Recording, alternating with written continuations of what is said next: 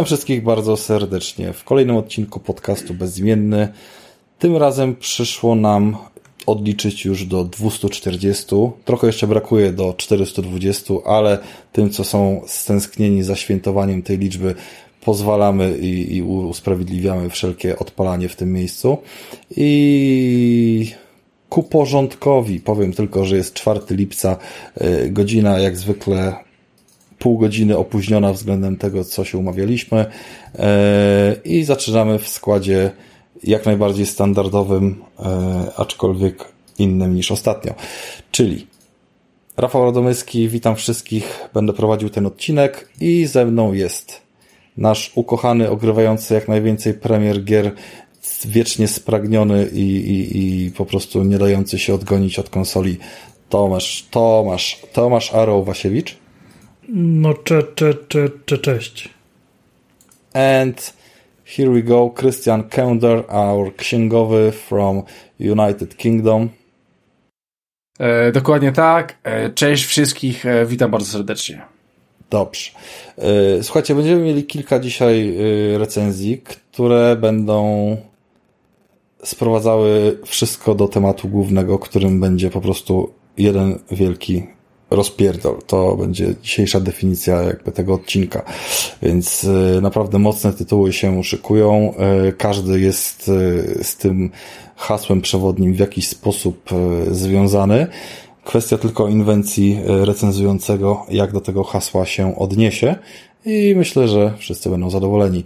Mm, zanim zaczniemy e, naszą analizę rozpierdolu goszczącego w, w grach dzisiaj recenzowanych, e, nasz księgowy chciałby tutaj rozliczyć pewne osoby z, z, z, z podatków danin, które mają gdzieś tam do rozliczenia. Tym samym wywołany zostaje do pogadance o patronach. E, czyli to pewnie ja. E, dobra, słuchajcie. E, no, chciałem, chciałem, e, chciałem po prostu powiedzieć o jednej rzeczy. W sumie, w sumie o dwóch.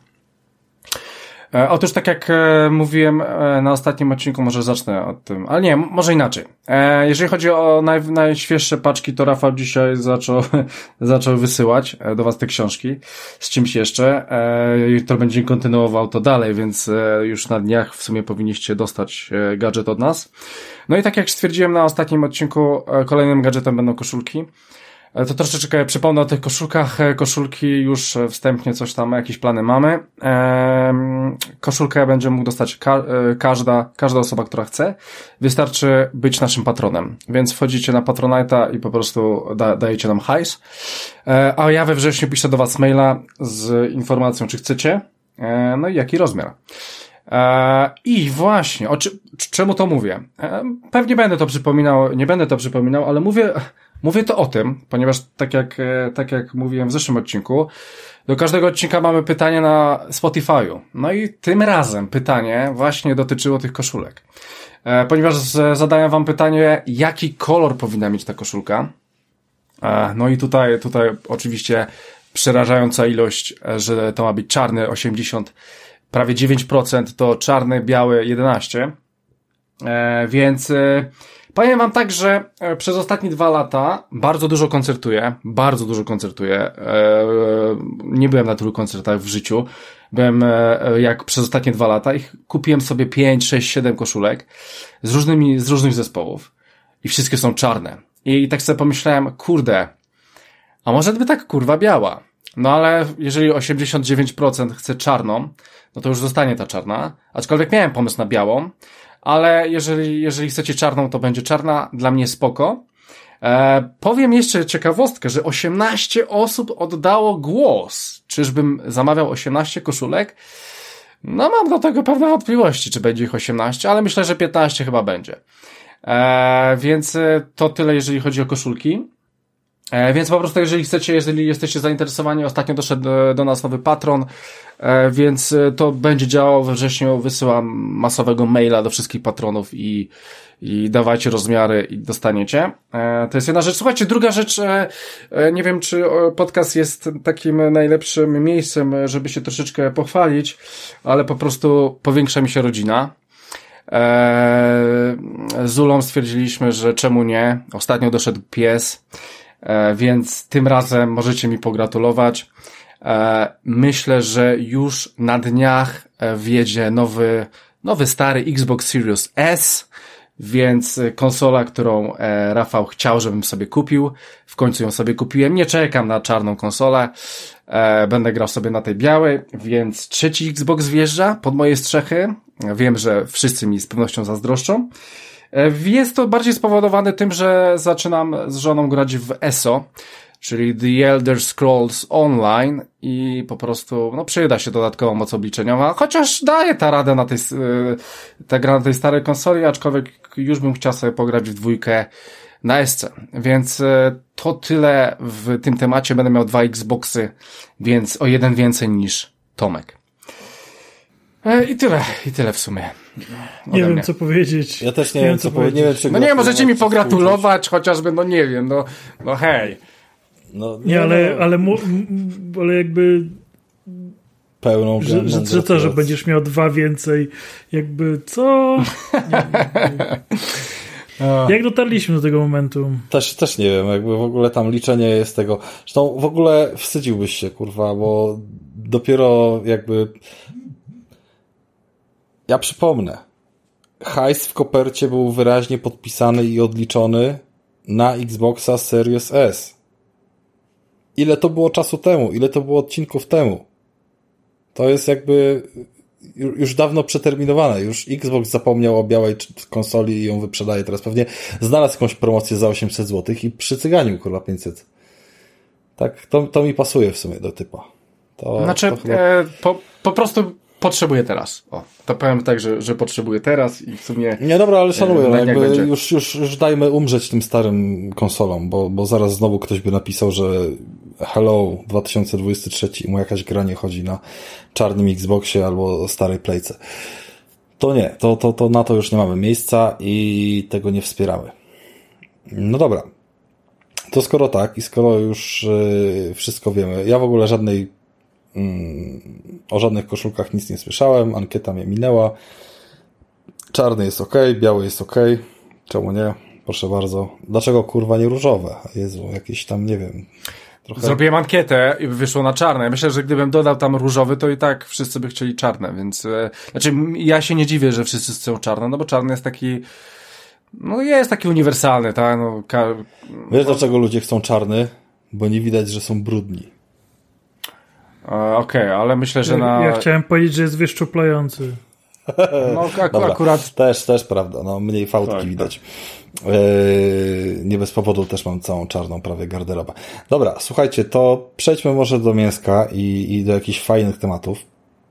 Yy, myślę, że jednym z takich ciekawszych yy, wątków, które mamy do omówienia i i bardzo liczę, że to będzie poprowadzone tak, tak dobrze, lajtowo i, i w ogóle w ogóle wow, to jest jakby rzecz, która nie miała, nie ma, nie ma za często miejsca, przynajmniej nie w takiej kategorii yy, premier, które się dzieją, bo, bo jakieś tam małe studio albo ktoś inny coś, coś przycygani na jakiejś zbiórce albo gdzieś, to no wiadomo, to tam się dzieją różne rzeczy. Ale tak na grubą petardę, żeby ktoś w ten sposób po prostu rozegrał graczy i, i to, co się wydarzyło, no to słuchajcie, Tomek wam zrelacjonuje, jak wygląda historia Goluma. To, to przypominam jest gra, którą mieliśmy naprawdę na listach must have'ów. Liczyliśmy, że będzie dobra, że będzie fajna. I, I nawet chcieliśmy ją kupować tutaj poza całym y, wątkiem, nie wiem, patronowym czy coś w tym stylu. I, i i wyszło z tego niezłe bagno. Ja jeszcze chyba nawet pamiętam, że Tomek chciał dopłacić 30-40 zł, żeby miał, żeby miał elficki kurwa język w tym Lord, Lord of the Rings. Ja jebie. Tak było. No więc y, możesz, tak możesz rozpocząć tą historię naprawdę daleko, ale doprowadź ją do tego wątku, który chcemy usłyszeć. Śmiało. oczywiście, oczywiście. E, faktycznie, no jest tak, tak jak e, chłopaki mówią, no ja jestem w ogóle absolutnym e, Tolkienofilem i, i jakby kocham wszystko, co, co, co wyszło spod pióra Tolkiena, a także jego późniejszych spadkobierców, którzy uzupełniali jakieś tam częściowo rozpoczęte książki, jakieś notatki i tak dalej. Więc, więc mam tych książek z, z nazwiskiem Tolkien w domu ze trzy czy cztery półki. Natomiast Natomiast no, z grami od jakiegoś czasu było trochę e, słabo. E, ostatnim, wydaje mi się, takim głośnym tytułem było e, Shadow of War, e, które również e, zapisało się raczej kiepską pamięcią e, w, w opinii graczy ze względu na dziwną monetyzację tytułu AAA pełnopłatnego. I tam było dużo, dużo takich kontrowersji z tym związanych. Natomiast natomiast później oni to wszystko pofiksowali i gra wyszła. E, ja już grałem właśnie, właśnie mocno później e, w tę produkcję i gra wyszła im naprawdę bardzo dobrze. Pamiętam między innymi Szelobę, którą, którą zrobili fenomenalnie, e, zupełnie inaczej niż, niż to, co możemy sobie myśleć o pająkach. Pojawił się tam też tytułowy e, Golum, który również był dosyć ciekawą postacią w tej produkcji, więc, e, więc czekałem. Padło e, studio, nie, nie wiem czy dobrze wymówię, Deadlick, um, którzy do tej pory, no mi przynajmniej byli znani z serii Deponia, którą połknąłem w całości całą trylogię i uważam za jedne z najlepszych przygodówek, jakie w życiu grałem. No tutaj wzięli się za grę akcji. E, więc, więc troszkę w inną stronę poszli niż do tej pory to było e, grane. Natomiast to, co mnie przekonywało do tego produktu, to nie tylko jakby to, że właśnie jest studio, które robi sensowne gry, ale e, zamysł na, tę na, na tą produkcję, że to nie ma być taki akcyjniak właśnie w stylu Shadow of War, gdzie po prostu sieczemy, rąbiemy i zabijamy hordy przeciwników, a skradanka. Więc zupełnie inne mechaniki, E, gdzieś tam oczywiście wodzą fantazji e, poddaje, poddane e, marzenia o tym, że będzie to Styx, czyli, czyli gra również o małym stworku, w tym przypadku goblinie, o złodziejsko-morderczych poglądach, że będzie to po prostu Styx w wersji z Golumem.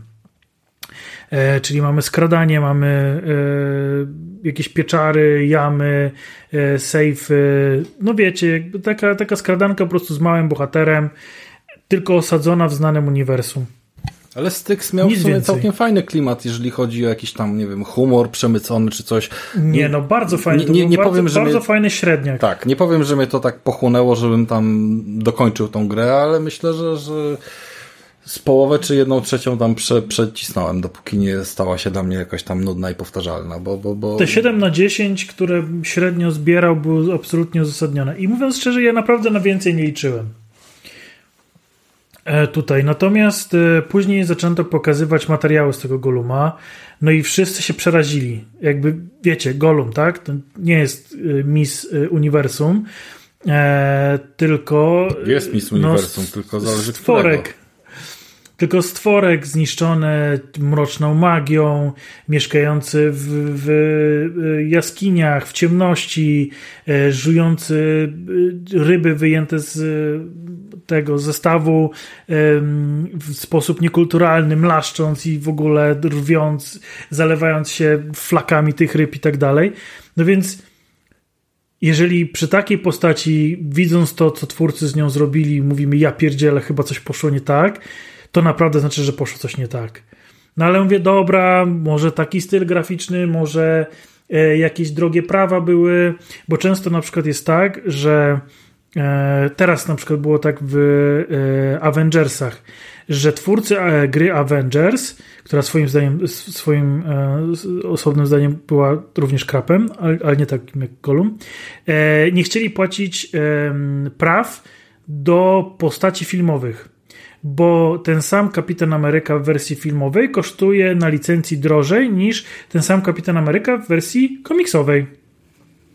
Więc sobie wytłumaczyłem tak, dobra, już był, był, było kilka tych golumów, były te golumy w Shadow of War, były te golumy e, w filmach, może oni nie chcieli płacić za licencję. Może tam jeszcze o czymś nie wiem, po prostu zwyczajnie musieli zrobić coś zupełnie innego, żeby nikt się do nich nie przypierniczył, że hej, tutaj jednak wchodzicie w naszą licencję, powinniście nam zapłacić miliony dolarów. I mówię, dobra, nie, olać to, no brzydki jest, niech tak będzie. Później gruchnęła wiadomość właśnie o tym wspomnianym przez Krystiana DLC, że za 4 dychy ekstra e, można sobie e, wykupić wersję deluxe. W tej wersji deluxe e, po pierwsze e, będzie elficki język, a po drugie e, Gollum będzie miał e, emotkę, którą będzie można jakby zagrać i to jest emotka pod tytułem My Precious. Więc internet zawrzał. No bo jak to? Elfy nie mówią po elficku, o co ho? Trzeba za to zapłacić. Teraz Gollum, najsłynniejszy, najsłynniejszy jego tekst i mamy za niego płacić ekstra w ogóle, co to ma być? No więc twórcy jakby powiedzieli, nie, no, słuchajcie, nie jest tak źle jak myślicie, Gollum będzie mówił My Precious, tylko po prostu nie na zawołanie, elfy będą mówić po elficku, tylko będzie trochę mniej tych dialogów.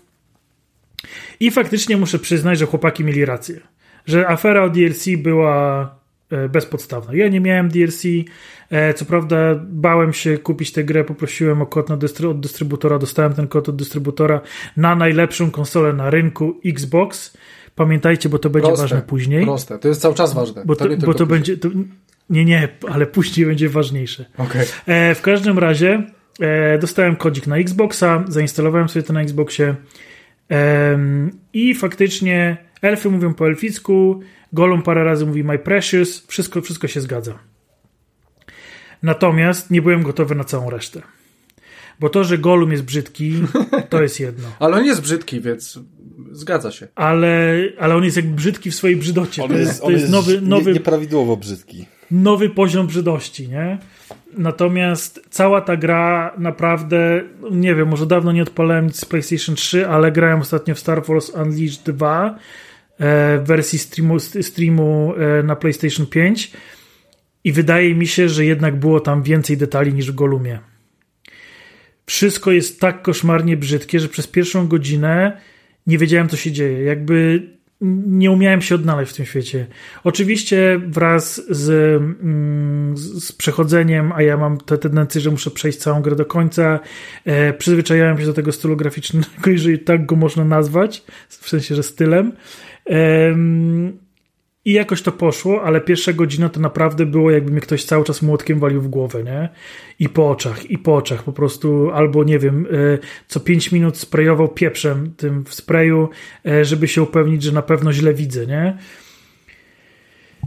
No jaką, jaką, jednak, tak grę, jak jaką grę odpalałeś dla oczyszczenia podczas jakby tych seansów z Gloomem, bo pamiętam, że coś było na zmianę, to nie było tak jak zwykle gra, że ciągiem od A do Z, tylko tam były jakieś historie, więc przerywałeś Glooma czymś dla... A dla... tak, tak, tak, no czy no ja już wtedy dostałem e, Street Fightera, więc, e, więc odpalałem Street Fightera, żeby, żeby sobie polepszyć życie Natomiast no Golum, Golum to było złe doświadczenie. E, I żeby było śmiesznie, moglibyście sobie wyobrazić, że taka zła gra i takie ten, że to będzie gra krótka. Otóż nie. Otóż nie, bo ja spędziłem w niej 25 godzin.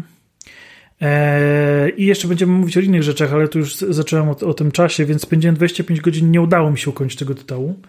Mianowicie na najpotężniejszej konsoli na świecie Xbox Series X, X, przepraszam, no, no. E, gra się absolutnie wykrzacza w ostatnim rozdziale i psuje save. Mówię sobie spoko. Przecież są chaptery, widziałem w menu, można sobie wybrać chapter, nie ma problemu, zaraz sobie odpalę cały chapter, stracę pół godziny, już i tak jakby ta gra zużyła tyle mojej cierpliwości, już że... Straciłem jakby, 25. Już jakby nie jest w stanie mi nic zrobić, jestem tak wychillowany, Mówię, dobra, odpalę sobie chapter od początku. Otóż yy, nie, przy ładowaniu chapteru również wywala błąd. I okazało się, że gra jest tak fantastycznie zrobiona, że nie tylko psuje save, na którym aktualnie gracie, a jest tylko autosave i jest tylko jeden, ale również psuje wszystkie chaptery. Wstecz. Okay. I w związku z tym mówię, dobra, może to tylko ja. No i poszukałem w internecie i okazuje się, że nie tylko ja. I okazuje się, że są ludzie którzy mają bardziej skrzywioną psychikę ode mnie i oni pomyśleli, że oni mimo wszystko i tak ją przejdą. Tak, to e, jakby I... grali w ale to jest, oni, oni to, ale to jest, życie. Ale Tomek to jest dodatkowy challenge, nie? Zobacz, to jest... I słuchajcie, ci ludzie naprawdę spędzili godziny, jeżeli nie dziesiątki godzin, na tym, żeby to przejść i żadnemu się nie udało. I jest teoria, jest teoria, że należy przejść cały przedostatni chapter i cały ostatni chapter bez umierania. I to jest jedyny sposób, żeby ukończyć tę produkcję. Ale nikt nie jest w stanie tego potwierdzić na ten moment. Wydaje mi się, że to jak... jest taki klimat, tak jak graliśmy w Redfalla i patrzyliśmy, że przechodząc tą grę w pierwszym tygodniu po premierze, że jakby ilość trofeów, które nam się wbijały, była po prostu coraz niższa i, i do promili spadała, gdzieś tam 0,15, 0,11% yy, procenta na przykład wbitych trofeów i tak dalej, to to będzie to jedno trofeum, które wiecie, wpije jedna, jedna osoba, nie? I ona kurwa dostanie Jestem pierścień. święcie przekonany, że zdecydowana większość graczy w Goluma to są recenzenci. Eee, ja przynajmniej nie znam nikogo, żadnego gracza, który by świadomie kupił tę produkcję. Eee, no paru znalazłem tych zapaleńców w internecie, ale to naprawdę taki, taka grupa wsparcia, nazwijmy to, nie? Jakieś tam e, anonimowych e, niszczycieli własnego zdrowia w imię Goluma. E, natomiast natomiast jakby głównie to byli recenzenci moim zdaniem. I z tych recenzentów tylko 3% ukończyło przedostatni rozdział na Xboxie. 3% pewnie ze 100 kopii, nie? które tam na, na Xboxa się sprzedały. Więc, e, więc no, też nie jest to zawrotna liczba. E, natomiast, no, no mówię, no ostatniego rozdziału nie udało mi się przejść, patch nie wyszedł. Ostatnio gruchnęła informacja o tym, że studio zostało zamknięte. E, nie ma żadnych informacji o tym, czy ktokolwiek będzie ciągnął tę pracę, ale no skoro studio zostało zamknięte, no to kto miałby tę pracę robić? Więc jest duża szansa, że nikt tej gry nie naprawi i tak zostaniemy. I ja wam powiem tak. Ja nawet chciałem dać tej grze ocenę 4 na 10. Był taki, był taki moment. Ponieważ, słuchajcie, e, to co studio Deadly robi naprawdę dobrze, to są historie. I tutaj, jeżeli pominie się wszystko złe, czyli grafikę, e, poziomy, to, że przyciski nie działają, to, że gra wam mówi wciśnij B, wy wciskacie B i postać nic nie robi i, i nie robi tego nigdzie, we wszystkich miejscach, w którym każą wam wcisnąć B, ona tego nie robi. Jeżeli wprowadzają na przykład mechaniki e, staminy, która wam się e, maleje od jakichś tam wyzwań fizycznych i nie ma opcji, żeby ten pasek wam się skończył, że widać, że to jest jakieś na, na siłę wprowadzone. E, czy jak próbujecie po raz setny przejechać, jest taki poziom, jedzie się na, e, na powozach, trzeba między tymi powozami przeskakiwać i po raz setny tam giniecie. W ogóle ginie się, ja chyba zginąłem z 2000 razy, nie? Naprawdę, naprawdę w jakichś takich horrendalnych e, liczbach. Są nawet dwa achievementy za to. Jeden za pierwszą śmierć w ogóle, a drugi za pierwszą śmierć w lawie.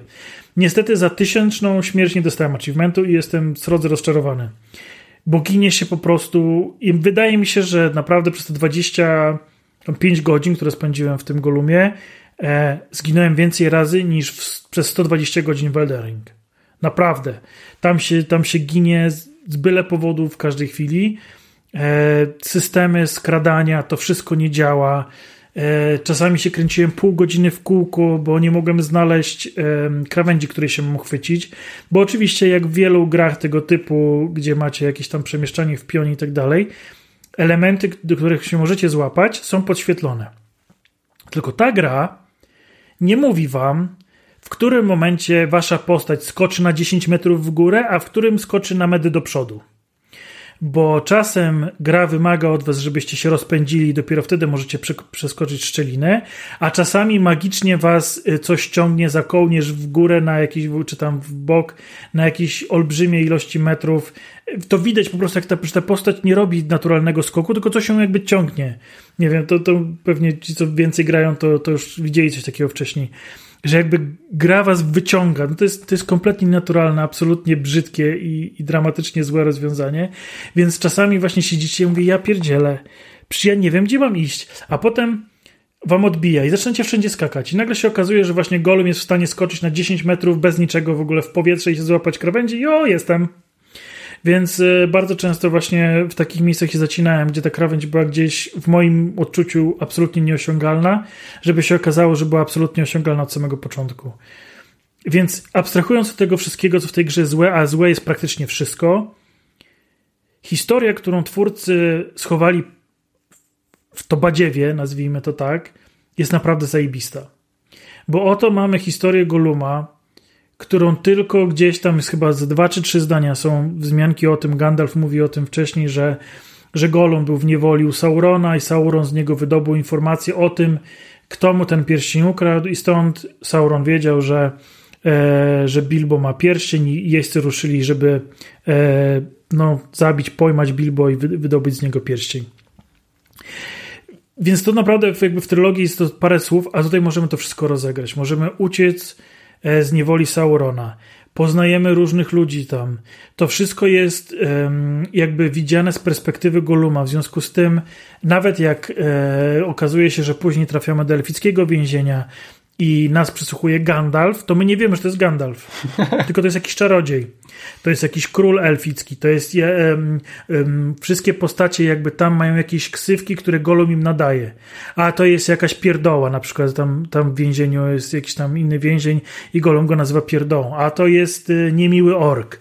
A to jest y, y, okrutna pani. I takie wiecie więc my sobie gdzieś tam e, do, do, do, dopasowujemy nazwy faktycznie postaci do, do tego, co Golum jakby widzi. Więc to jest moim zdaniem absolutnie zajebiście zrobione. Że właśnie, że, że, że to wszystko jakby ma się tam poczucie, e, poczucie, że to, że to jest oczami i mózgiem, e, rozumem Goluma. Są konflikty, kiedy Golum walczy ze Smigolem E, i przekonujemy się nawzajem. I moim zdaniem to jest trochę zrobione jak właśnie w, w ostatnich Strażnikach Galaktyki, e, gdzie też była taka jakby przerwa w całej akcji i, i, e, i była jakby rozmowa między nimi, żeby przekonać tam do, do jakichś pomysłów Starlorda. I tu jest tak samo, czyli, czyli jest jakby stop, cała akcja jakby zamiera i jest tylko Smigol, Gollum i oni ze sobą rozmawiają. I te pytania, odpowiedzi, rozmowa nie są oczywiste. E, czasami wydaje nam się, że jakaś odpowiedź na pewno powinna przekonać jednego lub drugiego, a okazuje się, że kompletnie nie i przegrywamy na przykład całe, na przykład chcemy, żeby rozwiązanie było bardziej Smigola, a, a nie Goluma, ale przegrywamy jakby konwersację z samym sobą i to Golum e, przyjmuje e, jakby władzę nad ciałem i coś tam się dzieje, więc to jest zrobione mega. I widać, że naprawdę w tej warstwie fabularnej bardzo dużo czasu ktoś spędził, ktoś, kto kocha jakby uniwersum, ktoś, kto ktoś na tym zna. Jest tam naprawdę mnóstwo rzeczy, które po prostu giną, a przez większość nigdy nie zostaną odkryte, bo nikt z Was nie zainstaluje, a zresztą ja absolutnie Was nie zachęcam do kupowania gry, której nie można skończyć i prawdopodobnie nigdy nie będzie można skończyć. A e, Tom, Tomku, to jeszcze do tego, bo pewnie e, siedziałeś w temacie i szukałeś e, rozwiązania. A to samo jest w PlayStation? Szczerze to nie wiem, tutaj tego nie sprawdziłem. No, nie, to no jest dobra, specjalna dobra. opcja dla Xboxa, bo mieli kupić ich studio, żeby pasowało do portfolio. Nie, ja, mi się wydaje po prostu, że, że Jim zapłacił, żeby po prostu na Xboxie się pierdoliło, bo to jest teraz taki standard. Pewnie tak było. W ogóle to miał być ekskluzyw PlayStation, ale Xbox wykupił studio, żeby nie był, więc jakby wiesz no tak. A, Ej, a... dobra, bo zaraz kurwa włączę, włączę ci relację z rozprawy i wtedy dopiero będziesz miał do powiedzenia. No, bardzo ją śledziłeś zajebiście. No, śledzi, śledziłem ją online, normalnie na żywo. Wiem. Tomek, yy, prześledziłem sobie oceny, jakie dawałeś w ostatnim okresie różnych recenzji pisanych, bo tam łatwiej to jakby, wiesz, zebrać, zebrać wszystko do kupy niż, niż, niż nasze podcastowe. Poza tym my nie dajemy numerków, a, a, a tam y, jednak te cyferki się pojawiają. 2 na 10 dla Goluma. 2 na 10, tak. Przy 3 na 10 na Redfalla.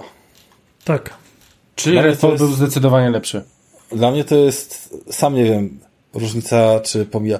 Mam, mam wrażenie, że trochę tak jakby w jednym miejscu gameplay był lepszy. Znaczy technicznie obydwie ssały, w jednym był chujowy gameplay, ale niezła fabuła, a w drugim chujowa fabuła, w zasadzie jej brak i w miarę ok gameplay. Yy, tak. Znaczy, no. Ym, znaczy... Nie mogłem temu Golumowi dać jeden, bo naprawdę ta fabuła. Tam widać, że ktoś to zrobił z pomysłem i z, z, z szacunkiem do, do Czyli oryginału. Fa fabuła była na 5, ale reszta daje punkty ujemne. Dokładnie tak. Okej, okay, Więc, więc jakby, jakby świadomie nie mogłem dać jeden, ale to jest absolutnie najgorsza gra, w jaką grałem w XXI wieku. A jeszcze mi powiedz, Tomku, gdyby wszystkie e, wszystkie problemy techniczne zostały usunięte, wszystkie, e, w sensie po prostu była to gra, gameplay by był taki, jaki powinien być, to, to wyżej by to było? W sensie, że gdyby studio istniało, zrobiliby aktualizację i przywróciliby to. No tak, tak jak mówię, no gdyby, gdyby tylko, gdybym tylko mógł kończyć tą produkcję, to myślę, że dostałaby czwórkę. Mhm, okej. Okay. Myślę, że dostałaby czwórkę, yy, nie, jakby no, zgdybania, ale, ale ogólnie byłem naprawdę zaskoczony tą historią i grałem dla tej historii. Yy, po, po takim czasie już jakby się troszkę uodporniłem na te wszystkie głupoty wynikające z błędów mechanik, e, czy, czy, czy, czy budowy lokacji i tak dalej. E, I wiedząc już, czego się spodziewać, tych zacinek na przykład było mniej i tak dalej, bo wiedziałem, bo wiedziałem jak, jak, jak się zaczynałem, to wiedziałem czego szukać i znajdowałem to dużo szybciej. Mhm. Więc to była kwestia jakby przyzwyczajenia się do tego wszystkiego. I w związku z tym mogłem docenić fabułę. No bo kurde, no to jest jednak jednak gra na ponad 20 godzin, nie? I, I to jest gra fabularna mimo wszystko, więc no, zrobić fabułę na ponad 20 godzin to nie jest prosta rzecz. Eee, więc troszkę właśnie też, też, też gdzieś tam to, że to uderzyło w moją miłość do Tolkiena, na pewno by ta ocena była wyższa. Myślę, że gdyby faktycznie było tak, jak ty powiedziałeś, czyli wszystkie przyciski działają, poprawiliby tekstury, poprawiliby mechaniki tej wspinaczki, poruszanie się i tak dalej, że nie spada się nie wiadomo dlaczego i kiedy i tak dalej to myślę, że to, to właśnie to, to bym dostał tę grę, o której marzyłem, czyli e, Styx dwukropek Golum, nie? E, I to, to, by było, to by było to. E, I to by było taki, taki fajny, takie fajne 7 na 10 po prostu dla fanów.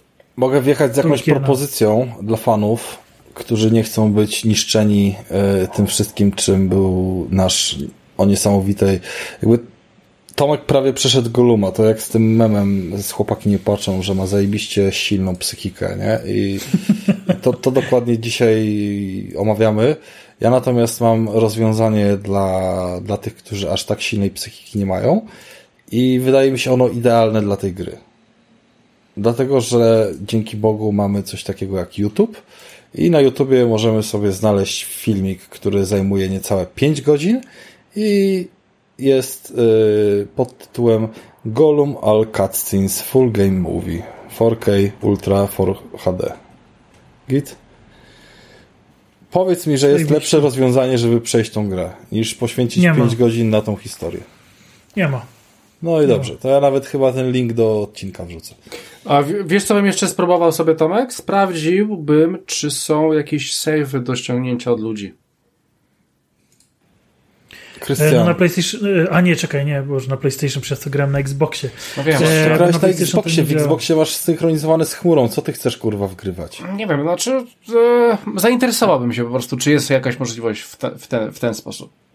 Słuchajcie, nie, ja, ja oficjalnie stwierdzam tutaj autorytatywnie, że e, będzie to pierwsza gra, którą zalecamy do grania na YouTubie po prostu i that's all. Proszę bardzo, nawet ten link w tym momencie wklejam na rozpiskę. Jeżeli nie będzie tego linku pod odcinkiem, to wiecie do kogo pisać. Yy... Dobra, zobacz, a, ty, Krystian, a ty, Krystian, nie broń Goluma, bo to nie jest ex Nie, no nie, ale szkoda, szkoda mi po prostu, wiesz, studia, widać, że e, trzeba mi mierzyć... też szkoda, tylko że to nie jest tak, że my jeszcze im, wiesz, tak jak, e, tak jak było z Redfallem, to dobra, dajmy im jeszcze power, elo Bethesda, ju, zróbcie tam coś, naprawcie tą grę, film was wierzy, wiesz, robiliśmy takie rzeczy, nie? I mówiliśmy, że to jest, no kurwa, fajnie by było, jakby naprawili i tak dalej. To to już jest zamknięte, pozamiatane. Oni, oni już tą grę kończyli, kurwa, z wypowiedzeniami. Ale a wiesz, że do Redfalla wyszła duża aktualizacja. Tak, zdaję poprawia. sobie z tego sprawę. To jest y, misja dla ciebie, żebyś teraz sprawdził, czy gra jest bardziej grywalna. Nie, nie, nie. Bo ja nie, na pewno tam nie będę wracał, nie, nie, chyba że ale Krystiany miałeś przejść, obiecałeś. A czy wiesz co, ja znaczy, byłem... Jest, jest jedna, jeden scenariusz, który może spowodować, że tego Redfalla jeszcze zainstaluję. Mianowicie zadzwoni do mnie Tomek i powie, najdroższy mój przyjacielu, z uwagi, że kupiłem za mnóstwo, duży bardzo worek pieniędzy e, Season, Pass. Season Passa i wersję z e, stalowym pudełkiem, to chciałbym zobaczyć, co tam mają do zaoferowania, czy będziesz mi w tym doświadczeniu towarzyszył. Ja wtedy powiem, niezachętnie, ale dobra. Ty stawiasz flaszkę. I w ten sposób możemy przez to przejść. Ale to musi poczekać sobie na jakieś DLC, nie tylko jakby samą aktualizację, bo z przejścia gry jakby się drugi raz bardziej nie ucieszę. Yy, więc, więc tak, jakby Redfall nie pozostaje zapomniany i wtedy wręcz nawet pójdzie update yy, recenzji, jeżeli coś takiego się pojawi i gra zostanie naprawiona. Więc proszę bardzo. Tutaj natomiast mamy do czynienia ze scenariuszem, którym już pracownicy tego studia w tym momencie mieszkają w kartonach, w których wynieśli rzeczy ze swoich biurek. E, no tak jest. Czy tak, wiadomo, gdzieś tam się rozejdą. Nie śmieję się z ludzi, bo to nie ich wina. Jakby decyz tutaj, okay, decyzyjność, no tak. tutaj decyzyjność korporacji przede wszystkim jest największym problemem bo to oni źle organizują, zarządzają, budżety dają i, i różne takie rzeczy i jakby dla fanu raczej nikt nie odpierdala takich manian, nie?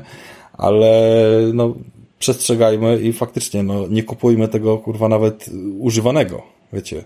Ta gra powinna mieć jeżeli Metal, Metal Geara używanego za 5 dych e, kupujesz, albo nowego na wyprzedaży za 5 dych, to Golum powinien osiągnąć status usunięcia ze sprzedaży. I, i po prostu jakby banicji jakieś po tym, co słyszę. No, też mi się wydaje, że tutaj, tutaj coś. Znaczy, jest duża szansa, że nikt tego nie kupił, dlatego nie o tym nie słyszymy, nie?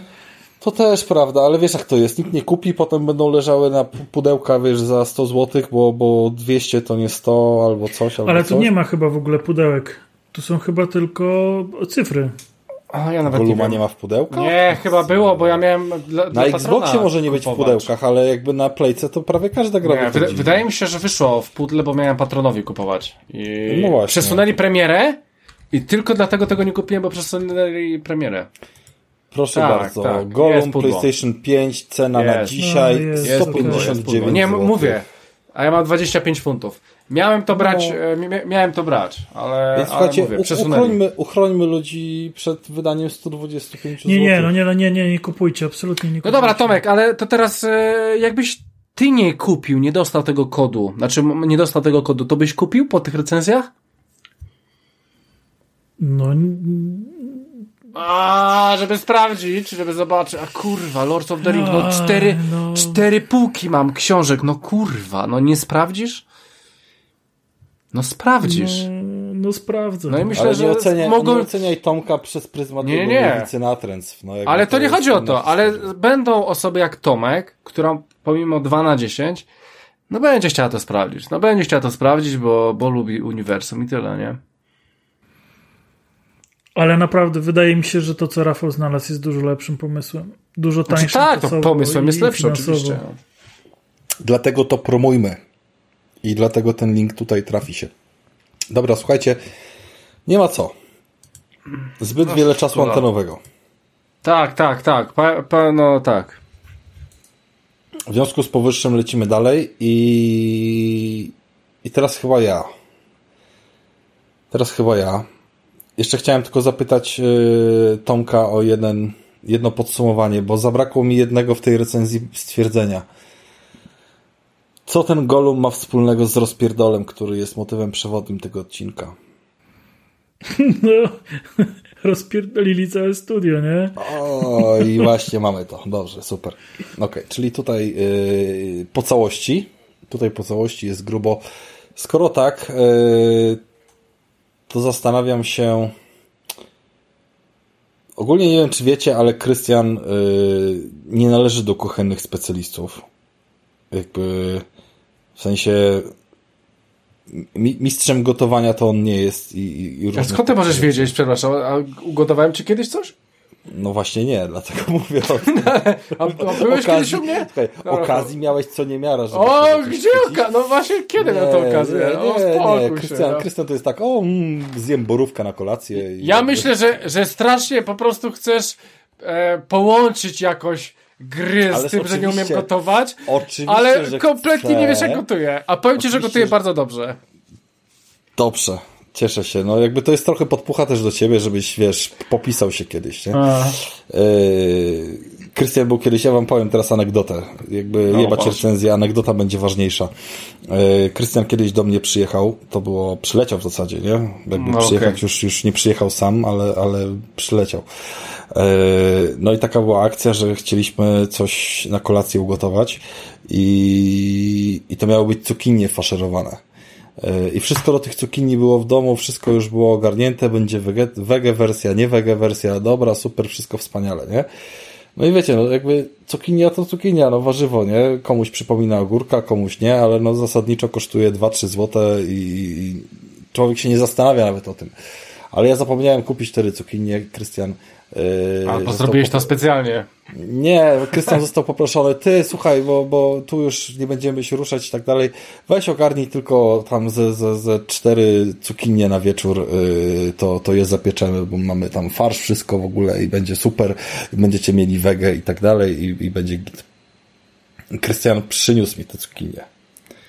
Kurwa, w papierze prezentowym, słuchajcie, w takiej torebce, jakby mi tam Jacka Danielsa dwulitrowego miał spakować bo się okazało, że była jakaś dziura w sezonie, dlatego ja tych cukinii w sklepie nie widziałem, bo, bo, bo one po prostu były w jakichś chorych pieniądzach, typu, wiecie, wyprzedane kolekcjonerki, nie? I nie wiem, z 80 czy 90 zł zapłacił za cztery cukinie i by, był mocno skonsternowany, y, że poprosiłem go o ten zakup i, i naciągam go na jakieś, jakieś ty, ale to jest niemożliwe. To jest niemożliwe. Te, te cukinie chyba każda musiała ważyć po 10 kg. Nie, nie, nie. To był faktycznie taki moment, że cukinii nie było w żadnym markecie, w żadnej Biedronce, w żadnym Lidlu i on je trafił tylko na zasadzie jakiegoś bio, bo poszedł do jakiegoś sklepu typu tam. Tak, wiem, i on, on był drogi ten sklep. W ogóle wszystko miało I drogie. To było tam rzędu, nie wiem, 30 parę złotych za kilogram, wziął 2 kilo, było 6 czy 7 dych rachunek, nie?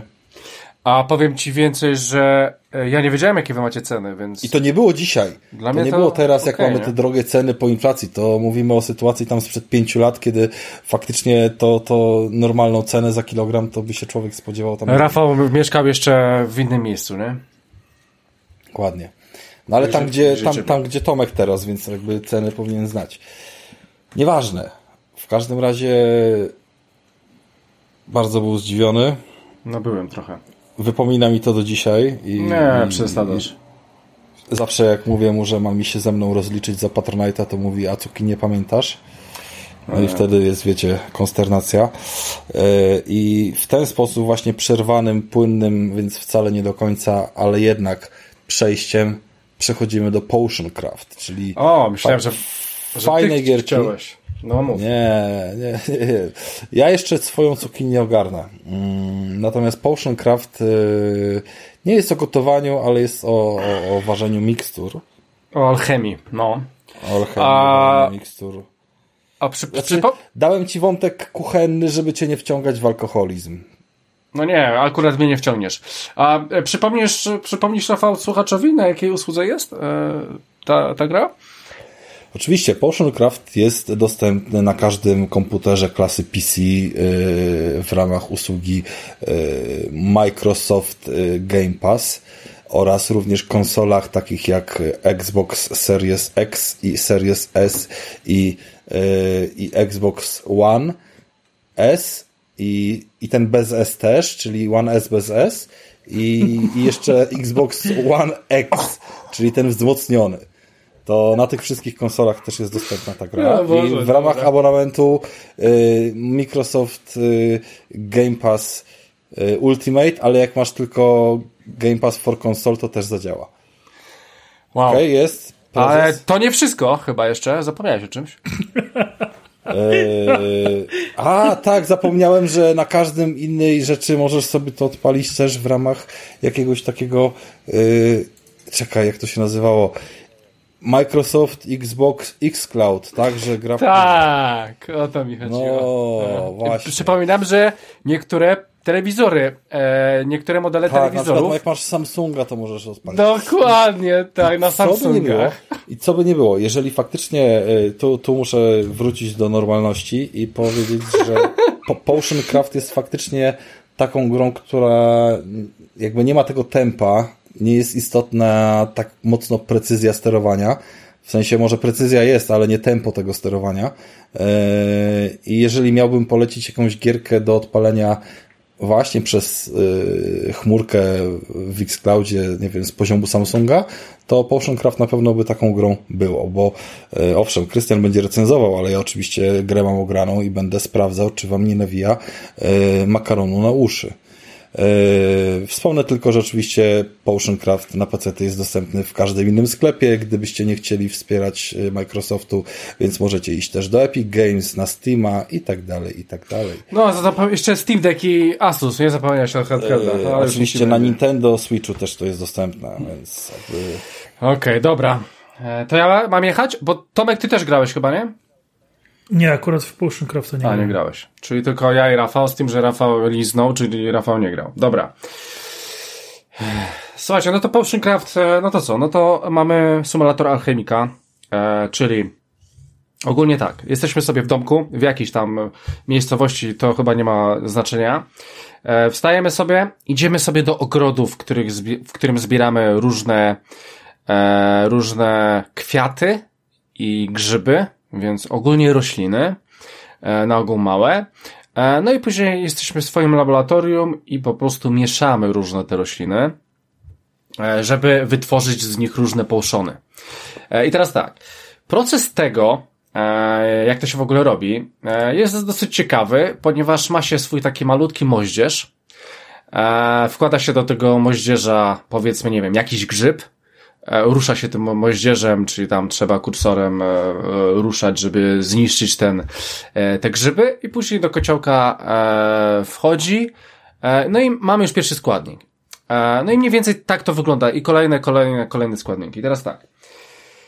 System jest dosyć fajny, ponieważ macie ogromną mapę. Wyobraźcie sobie taką ogromną mapę, no po prostu mapę, w których macie duże, dużo małych znaczników i na przykład widzicie, powiedzmy, od środka, e, gdzie, gdzie jest duża butelka, na, na, na prawej stronie jest butelka ze znakiem zapytania, co oznacza, że możecie, e, dobra, to oznacza, że to tam jest. I teraz tak, każdy składnik, który wrzucacie do kotła, e, powoduje to, że butelka, która jest na środku mapy, porusza się w jakiś sposób.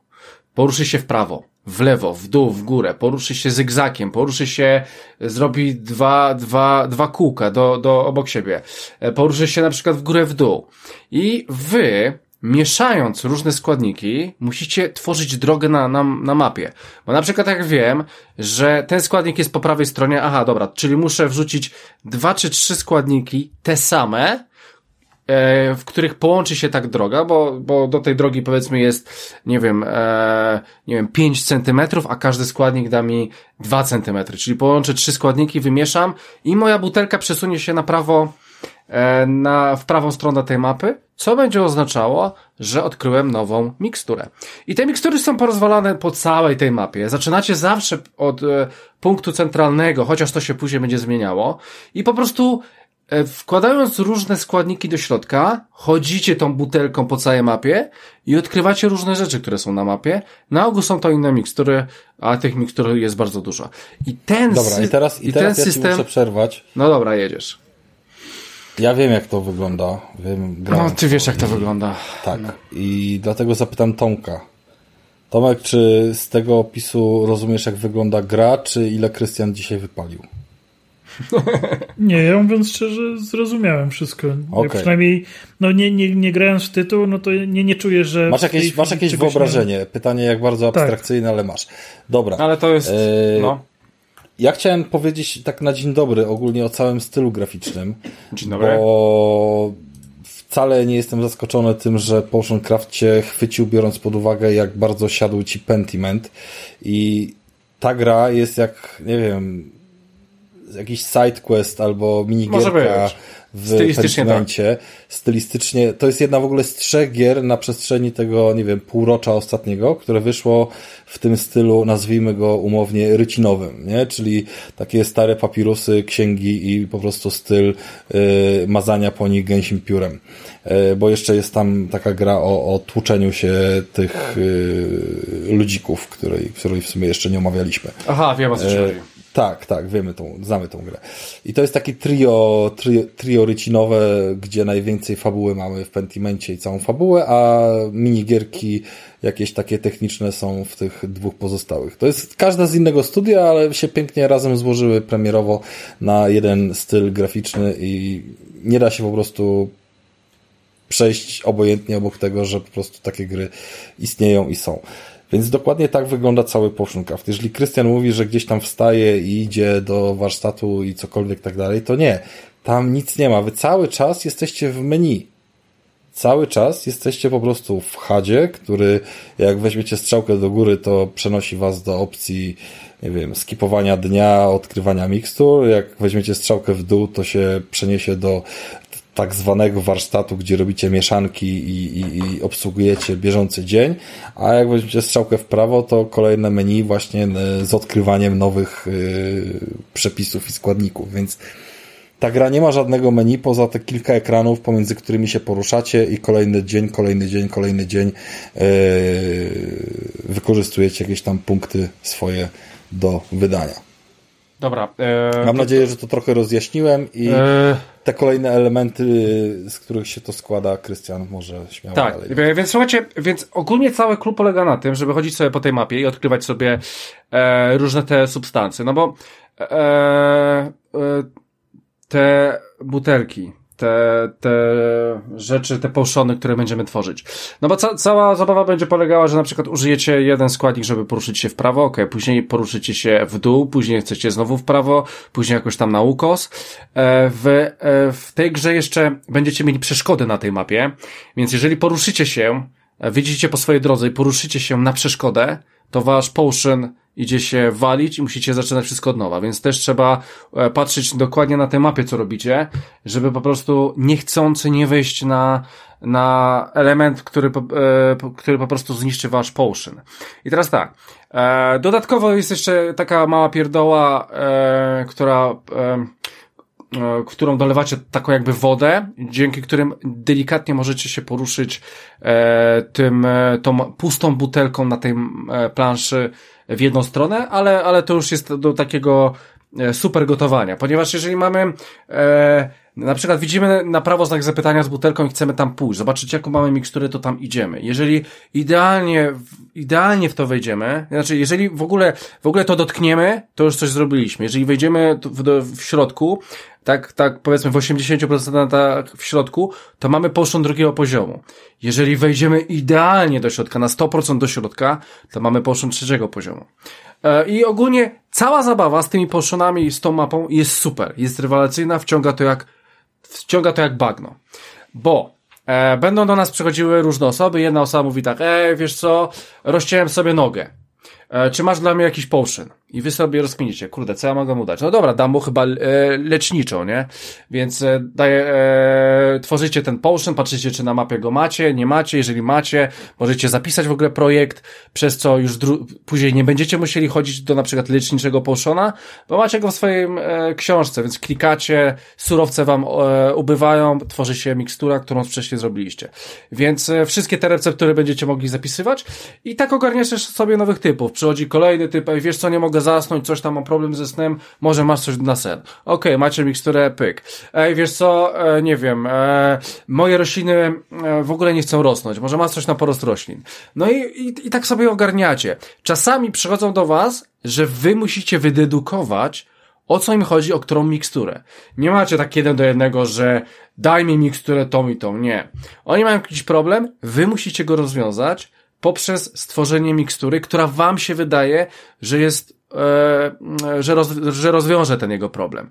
Może być problem na początku, bo nie macie dostępu do, do, do chyba jakichkolwiek mikstur, musicie je odkrywać i nie wiecie, jakie mikstury w ogóle występują w grze, więc aha, dobra, chyba chcę to, dajecie mu to, nie, jednak on tego nie chce, ale w sumie nie wiecie, co, co on chce, bo gdzieś to jest na mapie, a wy jeszcze macie to nieodkryte, a mapa jest ogromna, więc e, to nie jest tak, że idziecie w górę, to pewnie to nie. Wszystko jest pod znakiem zapytania, więc będziecie po prostu chodzić i szukać i szukać. Ale gra ma e, dosyć fajną opcję, e, dosyć fajną opcję, ponieważ jed, e, każdego dnia przyjdzie do was 5-10 osób po miksturę, plus sprzedawcy, który, którzy będą sprzedawali różne rzeczy, na przykład produkty i tak dalej, plus e, na przykład inżynierowie, którzy, który, którzy będą mieli dodatkowe rzeczy, e, dzięki którym możecie ulepszyć swój warsztat. E, ale, ale to nie ma znaczenia. I oni po prostu czekają na miksturę. I wy możecie ją robić, możecie ją robić, możecie ją robić, nie wiem, 5 godzin możecie ją robić, do momentu aż wam oczywiście składników nie ubędzie, bo codziennie, tak jak mówię, wstajecie rano i zrywacie wszystko, ale w pewnym momencie zabraknie tych składników, więc musimy delikwenta out, ponieważ już nie możecie zrobić e, tych mikstur i wchodzi kolejny. E, ogólnie fajnie jest to zrobione po prostu, bo oni czekają, oni nie to, że się spieszą, że musisz się spieszyć czy coś, robisz sobie na luzie. Nie masz składników, dobra, mówisz mu sorry, out i jakaś tam reputacja twoja spadnie. Słuchajcie, gra jest podzielona na 10 aktów i akty są takie same, to jest wszystko to samo, z tym, że macie na przykład napisane, e, powiedzmy w pierwszym akcie sześć obiektywów, co musicie zrobić. Na przykład, stwórz, stwórz tą miksturę, stwórz podwójną miksturę, sprzedaj za tyle i tyle hajsu, eee, czy nie wiem, odkryj coś na, coś na planszy. I wy sobie to robicie, a poza tym, jak odkryjecie coś ekstra, to widzicie, że wszystkie akty są odblokowane, ale nie wiecie, co trzeba robić dalej. Ale na przykład widzicie, w trzecim akcie odblokowaliście coś, bo niechcąco odblokowaliście miksturę. Co jest ciekawe. Więc e, robiąc pierwszy akt już odblokowujecie niechcący obiektywy na trzecim. I to jest spoko. E, ogólnie powiem wam tak. Ja jak w to grałem, to tak pograłem sobie jeden dzień, okay, spoko, drugi dzień, trzeci dzień i tak powiem wam, że się wciągałem, że dobra, jeszcze, jedy, jeszcze jeden dzień, jeszcze jeden dzień w grze, jeszcze jeden dzień, jeszcze jeden dzień, więc miałem syndrom jednego dnia i gra jest super. Jeżeli chodzi o takie rzeczy, gra jest super, gra zajebiście wciąga, fajnie się gada z tymi ludźmi, oni się w miarę nie powtarzają, eee, tam może później się troszeczkę zaczynają powtarzać, ale, ale ogólnie cały czas coś, coś się dzieje i mi się chce odkrywać tą mapę, wylewelujecie, e, bo dostajecie pewne punkty, które odblokowujecie na tę mapę, bo poza, no, po, poza tym, że na mapie są przeszkody i są połszone ze znakami zapytania, nowe mikstury, to są jeszcze elementy, które, e, coś ala wiedza, dzięki którym zbierając, poruszając się tą pustą miksturą e, po planszy, e, będzie, będziecie dostawać punkty, dzięki którym będziecie levelować, a za levele będziecie robić sobie różne tam statystyki do, do,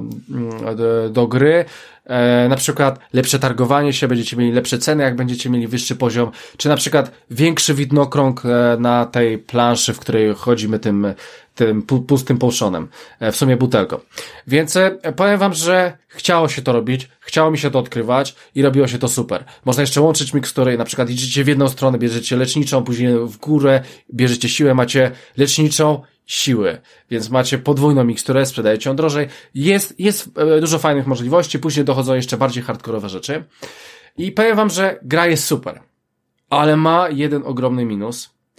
I to taki minus, to jest taki minus, który spowoduje, że niewiele osób przejdzie tą grę. Ja jej jeszcze nie przeszedłem, właśnie przez to. Ponieważ wyobraźcie sobie, że to jest taki, niewiele jest takich gier. Ja, ja, moim zdaniem, myślałem, że już takich gier się nie robi, a jeżeli się robi, to nie wiem, na Nintendo Switcha, powiedzmy jakiś japoński RPG. Ale słuchajcie, ta gra jest na 8 godzin, ona powinna być na 8 godzin, a zrobili z niej 24. A czemu? A w jaki sposób zrobili z 8 24? Ano w taki, że e, w połowie gry przyjdzie jakiś koleżka, będziecie musieli stworzyć laboratorium i żeby stworzyć laboratorium, potrzebujecie od chuja hajsu. Od chuja. E, I tak nieproporcjonalnie w ogóle do tego, co się dzieje w grze w, pe w, w pewnym okresie czasu. Bo będzie taki obiektyw, ulepsz laboratorium, czy coś tam po prostu zrób, co jest bardzo kurwa drogie. Bardzo drogie, ja nie miałem w ogóle takich pieniędzy przez pół gry.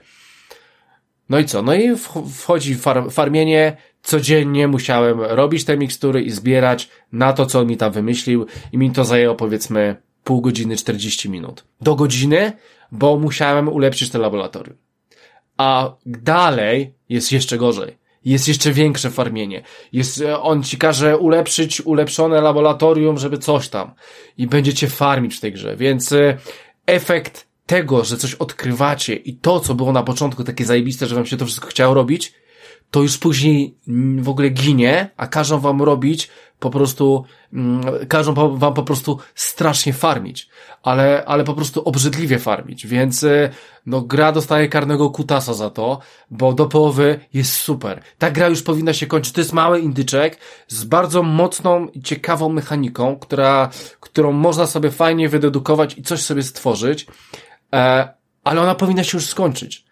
A oni przypieprzają takie rzeczy, że, że ja, ja sobie do tego tytułu wracam, bo lubię sobie robić taką małą skocznie, sobie go odpalić, ale po prostu to wszystko polega na tym, że ja mam tą kolejkę, ja po prostu daję im te same mikstury, aha, dobra, zarobiłem dzisiaj tysiąc, no dobra, no to jeszcze brakuje mi osiem. Eee, i, I po prostu ja robię tylko coś takiego, już, już mam koniec gry, takiej gry, gry, e, stricte gry, a muszę się pierdolić z czymś takim, więc e, powiem wam tak, że e, ma, gra ma super wejście, ma super otwarcie i jest super do połowy, a później, no później już jest słabo, później już jest słabo, później już jest beznadziejnie, no i szkoda, po prostu szkoda, bo dla, dla mnie to jest taka mocna ósemka, nawet takie nawet 8,5 do połowy gry. Ale przez cały, cały, cały kształt gry, ja już jestem pod koniec, ja na pewno to przejdę, bo to jest przyjemne po prostu, ale przez ten cały e, grind ja nie mogę dać więcej niż, niż siódemkę tej grze, bo tak, tak mi, tak mi spierdolili po prostu e, odbiór w późniejszych e, etapach tej gry, a szkoda. E, szkoda. E, jedyne co, e, to jak wszedłem sobie właśnie na Steama, to widzę, że e, gra będzie cały czas e, ulepszana, będą nowe rzeczy dochodziły, e, więc no, nowi kupcy, nowe składniki i tak dalej, nowe połszony, super. ale to powinni to zrobić w sytuacji, w której po prostu ja przechodzę tą grę, a nie jako update do, nie wiem, nie wiem w jaki sposób oni chcą to zaimplementować, ale po prostu to wchodzi za późno, e, bo sporo osób w połowie odbije się od tej gry, niestety. Faktem jest, że na Game Passie i na tym wszystkim, co Rafał wymienił, e, nie będę powtarzał, e, jak najbardziej trzeba sprawdzić. Sprawdźcie sobie, bo to jest bardzo fajny indyk. Troszeczkę też na dedukcję. To jest mocno dedukcyjny tytuł i na rozkminianie. Więc ja jak najbardziej polecam. Rafał już tego nie odpali. Tomek ma jeszcze szansę. A tak jak ja mówię, ja, ja będę sobie od czasu do czasu do tego wracał i pewnie to przejdę. Pewnie to przejdę, bo, bo, bo to jest przyjemna gra, ale, ale no po prostu masakra jest. Masakra, co oni odjebali w tej grze. E, I, no ale właściwie w ogóle to jest taki temat, e, który ja się tak trochę zbieram, żeby go zacząć, no. bo w ogóle mam, mam e, wrażenie, że ostatnio mm, to jest jakaś straszna plaga, moda, nie wiem jak to nazwać. No, no że często w wielu produkcjach te gry są maksymalnie wydłużane w taki bezsensowny sposób. Tak jak teraz gram w tego Final Fantasy i ogólnie gra mi się super podoba, ale o tym na następnym odcinku. Natomiast też ma takie momenty, w których biega się bez sensu, jest zablokowany sprint, a trzeba przebiec straszne kilometry w bazie od jednego, od jednej osoby do drugiej i to jakby niczemu nie służy, poza tym wydłużaniem tej produkcji. I takich mechanizmów jest coraz więcej. Niektóre gry e, wręcz po prostu mają jakąś chorą obsesję, żeby tych mechanizmów było jak najwięcej. I to czuć że to wszystko nie ma sensu. Tak, tak, tak, tak. Że to jest tylko po to, żeby wydłużyć twój czas e, z, rozgrywką. Wiadomo, że e, każdy chce, żeby jego gra była jak najdłużej grana, żeby ludzie ją kupowali. Jeżeli ludzie będą długo grać, to jest szansa, że ją później odsprzedają. E, wtedy jest szansa, że więcej ludzi kupi i tak dalej. Ja to wszystko rozumiem. Ale to jest czasami tak na siłę po prostu wepchnięte ci do gardła, żebyś spędził jeszcze 10 godzin z tą produkcją, gdzie ty już nie chcesz, że ty już jesteś absolutnie zmęczony nie masz ochoty w ogóle w to grać, a mimo to e, mimo to to tam jest, żeby, żeby właśnie to wszystko wydłużyć. To... Myślę, myślę, że to jest bardzo dobry Tomek e, temat, żebyśmy zrobili jakiś tematyczny odcinek właśnie o grach, które są niepotrzebnie wydłużane. I to by był nawet dobry odcinek, wam powiem. No i cudownie, a ja chciałbym w takim razie przeskoczyć e, z jednego wątku ważenia mikstur do drugiego wątku w jakiś sposób w sumie sprowadzonego do tych cukinii nieszczęsnych i tego gotowania, ale i również do uzależniania gracza od gry i przyciągania go do tego, żeby ona trwała bardzo dużo. Więc y, Krystian, jakimś jednym zdaniem podsumowania, bo zapomniałeś chyba o formule, że y, zabrakło w Potioncraft y, słynnego rozpierdolu. Gdzie on jest w tej grze? Dlaczego ją wpisałeś do rozpiski? Rozpierdol w Potioncraft? Nie, nie ogarniam, Rafał. No, tak myślałem. No to było twoje zadanie, żebyś to ogarnął, no i, i wpuścił ten element, no ale cóż. Nie e. wszyscy, nie wszyscy mogą. No, Dobra, nie. w Potioncraft nie ma rozpierdolu, nie da się podobać, to było zadanie, wiesz, jakby z gwiazdką na szóstkę i nie rozpierdolem jest, rozpierdolem jest to... Rafał dawno nie nagrywał. Rozumiemy cię, Rafał, okej. Okay. Ja wiem, że wy mnie rozumiecie. Dobra, powiedzmy, że rozpierdolem było to, w jak dużej ilości y, konsol Xboxowych można ograć tą grę. Niech... I to w Game Passie. W Xbox Game Pass, pamiętaj. Zawsze pełną nazwą się mówi. Dokładnie. Trochę szacunku. Eee, Dobrze, tato. Wspaniale. Słuchajcie, ja wam teraz opowiem o grze, której nie ma w Game Passie ale jest, która jest... Jest. E, a na pewno była, ale nie wiem, czy jeszcze jest. A zaraz zobaczę. A Dobra, o czym ty powiesz teraz? Już, już. Aha, okay, wiem, no. że jest w Game Passie, sam gram w Game Passie, ale mam też kupioną dwa razy, więc to jakby... Mhm. Przede wszystkim zacznijmy od początku. Stardew Valley. Stardew Valley to jest e, tytuł, który już zdążył trochę posiwieć, y, bo, bo, bo chyba 2021 to była data premiery i to sam początek, więc 2,5 roku. A ja mam 16. Misiek. To ja mówię wtedy, kiedy trafiła na konsolę, nie? Bo, bo okay. to, że tam PC-ty wcześniej się, wiesz, y, kręciły w jakąś wersję, to jak najbardziej ona pewnie była, wiesz, milion razy poprawiana, rozkręcana i tak dalej, mhm. ale nie zmienia to faktu, że to jest gra, która się nie starzeje i niezależnie od tego, kiedy zdecydujecie się zagrać w Stardew Valley, to będziecie e, zadowoleni, jeżeli wam ta rozgrywka oczywiście chwyci, a ja wam postaram się przybliżyć, na czym ta rozgrywka mniej więcej polega i dlaczego to jest tak yy, cholernie uzależniające, ale w satysfakcjonujący sposób. Nie, nie, nie. Szczerze mówiąc, no jakby unikający stwierdzenia, że to jest taki czysty grind i w ogóle tego typu rzeczy. Yy, żeby, żeby wszystko było jasne, to powiem, że to jest gra obecnie stosunkowo tania, bo można ją kupić za 50-60 zł i mieć po prostu święty spokój na zawsze.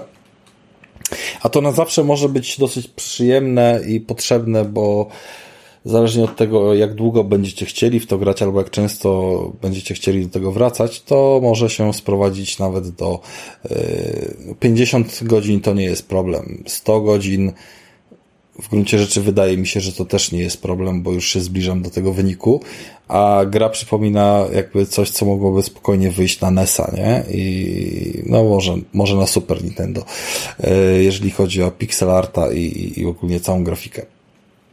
Więc o czym mowa i, i, jak to wygląda, żebyście sobie mogli zwizualizować, jeżeli nie macie pod ręką akurat Google'a, nie widzieliście tego tytułu, nie jest to żadne, e, żaden Starfield ani żaden God of War, to jest po prostu widok z góry. Farmville 2.0. Widok z góry na Farmville 2.0, gdzie sobie chodzicie e, swoją postacią, swoim e, farmerem, który się sprowadza do miasteczka i sobie po tym miasteczku, no ma jakąś tam farmę, odziedziczył ją po dziadku, czy coś w tym stylu. Yy i jakąś tam na początek tak naprawdę ma tak możliwość wykonywania dwóch czy trzech czynności, czyli kopania w ziemi motyką, yy, ścinania drzew siekierką i, i chyba jakiś tam jest też kawałek kilofa, a być może kilof trzeba w ogóle dopiero dokupić. Konewka chyba też jest na podstawowym wyposażeniu. Nie wiem, szczerze mówiąc nie pamiętam już nawet początków tej gry, bo tyle godzin przy niej spędziłem. Yy, co jest ważne? Ta gra zapewnia cały czas rozwój na wielu różnych płaszczyznach i to od Was zależy, które z tych płaszczyzn będziecie rozwijali. Oczywiście mm, motorem napędowym do wszystkiego będzie pozyskiwanie pieniędzy z różnych tam możliwości, które gra zapewnia. Podstawą jest oczywiście sianie rzeczy na farmie, robienie jakby kupowanie nasion, jak zasiejecie, sprzedacie, macie więcej pieniędzy, możecie kupić więcej nasion i tak dalej, i tak dalej, ale można robić również inne rzeczy i tam sobie czas cały czas leci, codziennie musicie pójść spać nie później niż o drugiej w nocy, bo inaczej yy, dostajecie w dupę, bo usypiacie na miejscu i musi was ktoś scholować do domu, za co skasuje dosyć sporą ilość pieniędzy, więc ten czas każdego dnia jest ograniczony. E, każdy miesiąc e, składa się z 28 dni, a miesiącem tak naprawdę 28-dniowym określamy całą porę roku, czyli tam wiosna, lato, jesień, zima i w ten sposób mija nam cały rok gry. Ja już jestem pod koniec trzeciego, chyba zaczęliśmy nawet już czwarty, nie jestem w sumie pewny, albo kończymy trzeci. E, I wygląda to mniej więcej tak, że bardzo fajnie się konstruuje tą farmę, bo mamy różnego rodzaju tam przeszkadzajki, a to trzeba się, wiecie, za, zainteresować i poznać jakąś mechanikę.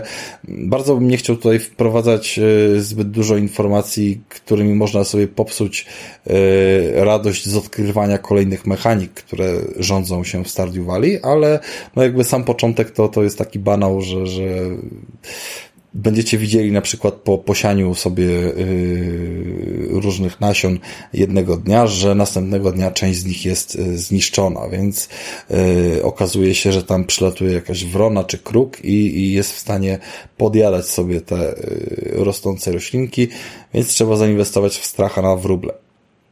Potem idą kolejne rzeczy i kolejne rzeczy i tego typu zależności jest dużo więcej, yy, bo możliwości też jest mnóstwo, ponieważ mamy tutaj yy, cały ogromny wątek związany z kopalniami i pozyskiwaniem różnego rodzaju minerałów i zasobów. Yy, możemy rozbudowywać sobie bardzo mocno tą farmę i to nie tylko w kontekście własnego domu, który może mieć dużo innych pomieszczeń niż na początku ta jedna chatka, wliczając w to pomieszczenie y, dla dzieci, jakieś pięterko, kuchnię do gotowania, y, piwnicę do przetrzymywania różnych rzeczy przez dłuższy czas i tak dalej, i tak dalej. Jak również wiele budynków stricte związanych z farmą, e, chociażby kurnik na początek, czy potem jakaś obora do, e, do różnych większych zwierząt pokroju świnek i krówek. I na to wszystko oczywiście trzeba zasobów. Te zasoby trzeba zebrać. Te zasoby są rozrzucone po mapie i można je po prostu zbierać, yy, ścinając drzewa, yy, tłukąc kamienie i tak dalej, ale wiele z nich trzeba pozyskiwać w bardziej wymagający sposób i organizować się do tego. Poziom rozwinięcia farmy, jeżeli chodzi o dostarczanie tych najróżniejszych zasobów który mamy na początku gry, a który na przykład jesteśmy w stanie zorganizować sobie na drugi rok y, naszej farmy, to jest nieba ziemia. To po prostu jesteśmy już zupełnie innym człowiekiem. Jesteśmy, jesteśmy tym gościem na wsi, który jeździ Audi i to nie w leasingu, nie? Jeżeli to jest dobrze rozegrane i my te mechaniki opanujemy i nasza farma po prostu zaczyna przybierać takie kształty, że nawet nie powiem tylko, że się sama utrzymuje, ona przynosi ogromną kasę i my skupiamy się na pozyskiwaniu tych bardzo, bardzo rzadkich zasobów, które do czegoś tam są potrzebne, yy, gdzie tak naprawdę pieniądze nie mają znaczenia, ale nie jesteśmy w stanie ich kupić. I to jest jakby sęk wszystkiego, dlatego że ilość zasobów potrzebnych do różnych czynności, różnych rzeczy jest przeogromna i my musimy to dopiero rozpoznawać. My nie mamy od początku jakby znajomości przepisów, tylko na przykład przepisy do gotowania y, pewnych rzeczy, gdzie na początek w ogóle nie możemy gotować, bo nie mamy kuchni, czy do kraftowania różnych rzeczy. Y, niektóre podstawowe możemy kupić sobie w jednym czy w drugim sklepie, czy jakimś tam u kogoś, ale takie naprawdę przydatne dostajemy dopiero, kiedy zdobywamy doświadczenie w poszczególnych umiejętnościach, których tam jest, y, jest farming, jest pozyskiwanie, jest mining, jest walka, jest łowienie ryb i, i tak dalej, jak i również część fabularna. I tutaj odpalam drugi wątek. Część fabularna niesamowicie rozwinięta jak na tak y, banalną i prostą grę, dlatego że w całym miasteczku mieszka, y, nie wiem, około chyba 30, między 20 a 30 postaci i każdy z nich prowadzi swoje życie. Do tego stopnia, że oni mają swój harmonogram dnia, on jest inny w dni deszczowe, inny w lato, inny w zimę i w ogóle na różnych etapach gry, więc każdego można spotkać, y, jak, jakby każdy, każda z tych postaci jest cały czas na mapie. Ona po prostu rano się budzi, trochę czasu spędza w domu, pije jakąś kawę, potem idzie sobie na spacer, patrzy się tempo na przykład przez 6 godzin w wodę, bo taką ma y, romantyczną naturę, y, inny gościu będzie badał skały gdzieś tam przy kopalni, a ktoś jeszcze będzie tam powiedzmy oglądał sobie swój inwentarz e, na farmie, y, gdzie tam jest jakiś sklep, czy prowadzenie baru, czy cokolwiek. Każdy ma swoją rolę, oni są połączeni w jakieś rodziny, mieszkają razem, jedni są tacy, drudzy są tacy. Część, tak jak powiedziałem, jest ze sobą powiązana na zasadzie ojciec, matka, syn i jakąś tam tworzą rodzinę. Niektórzy są w statusie single i z tymi osobami możemy nawiązać również bliższą relację, jeżeli odpowiednio zaskarbimy sobie ich, ich względy, a te względy poprzez dialogi z nimi, poprzez dawanie im prezentów, gdzie trzeba się domyślić, który prezent jest dla kogo właściwy metodą znów prób i błędów. Wykluczam oczywiście korzystanie z ogromnej Wikipedii Stardew Valley, która jest w internecie, bo psuje to trochę rozgrywkę, żeby pewne rzeczy rozkminić, no ale też nie ukrywam, nie demonizujmy, yy, ciężko byłoby wpaść na to, że tą konkretną rybę jesteśmy w stanie złapać tylko w deszczowy dzień, w jesieni, po 22, tylko w tym miejscu na mapie. Tak, więc tego typu rzeczy tam się oczywiście pojawiają. Yy, tą informację można by wyczytać gdzieś tam, coś tam, ale no okej, okay. Wikipedia y, Stardew Valley w tym momencie bardzo pomaga i y, sam fakt tego, że to wiecie, nie oznacza, że to będzie nagle łatwe do zrealizowania. Rafale, tak? bo to trochę mi brzmi, jak słucham mojej córki, jak gra w Animal Crossing E, z tymi rybami, że one są dostępne tylko w określony dzień roku. E, jak tak, ryby tak, ryby najbardziej mi przypominały Animal Crossing, z tym się zgadzam. Bo, bo, bo Ale chciałem zapytać, czy ogólnie ta gra jest w jakikolwiek sposób podobna do Animal Crossing? Yy, wiesz co, w dużej mierze tak. Tylko to, co mi się najbardziej w niej siadło i, i do tego właśnie chciałem przejść, to opcja E, konstrukcji samej rozgrywki, że ona jest z bardzo intensywnym e, kopem dostępna.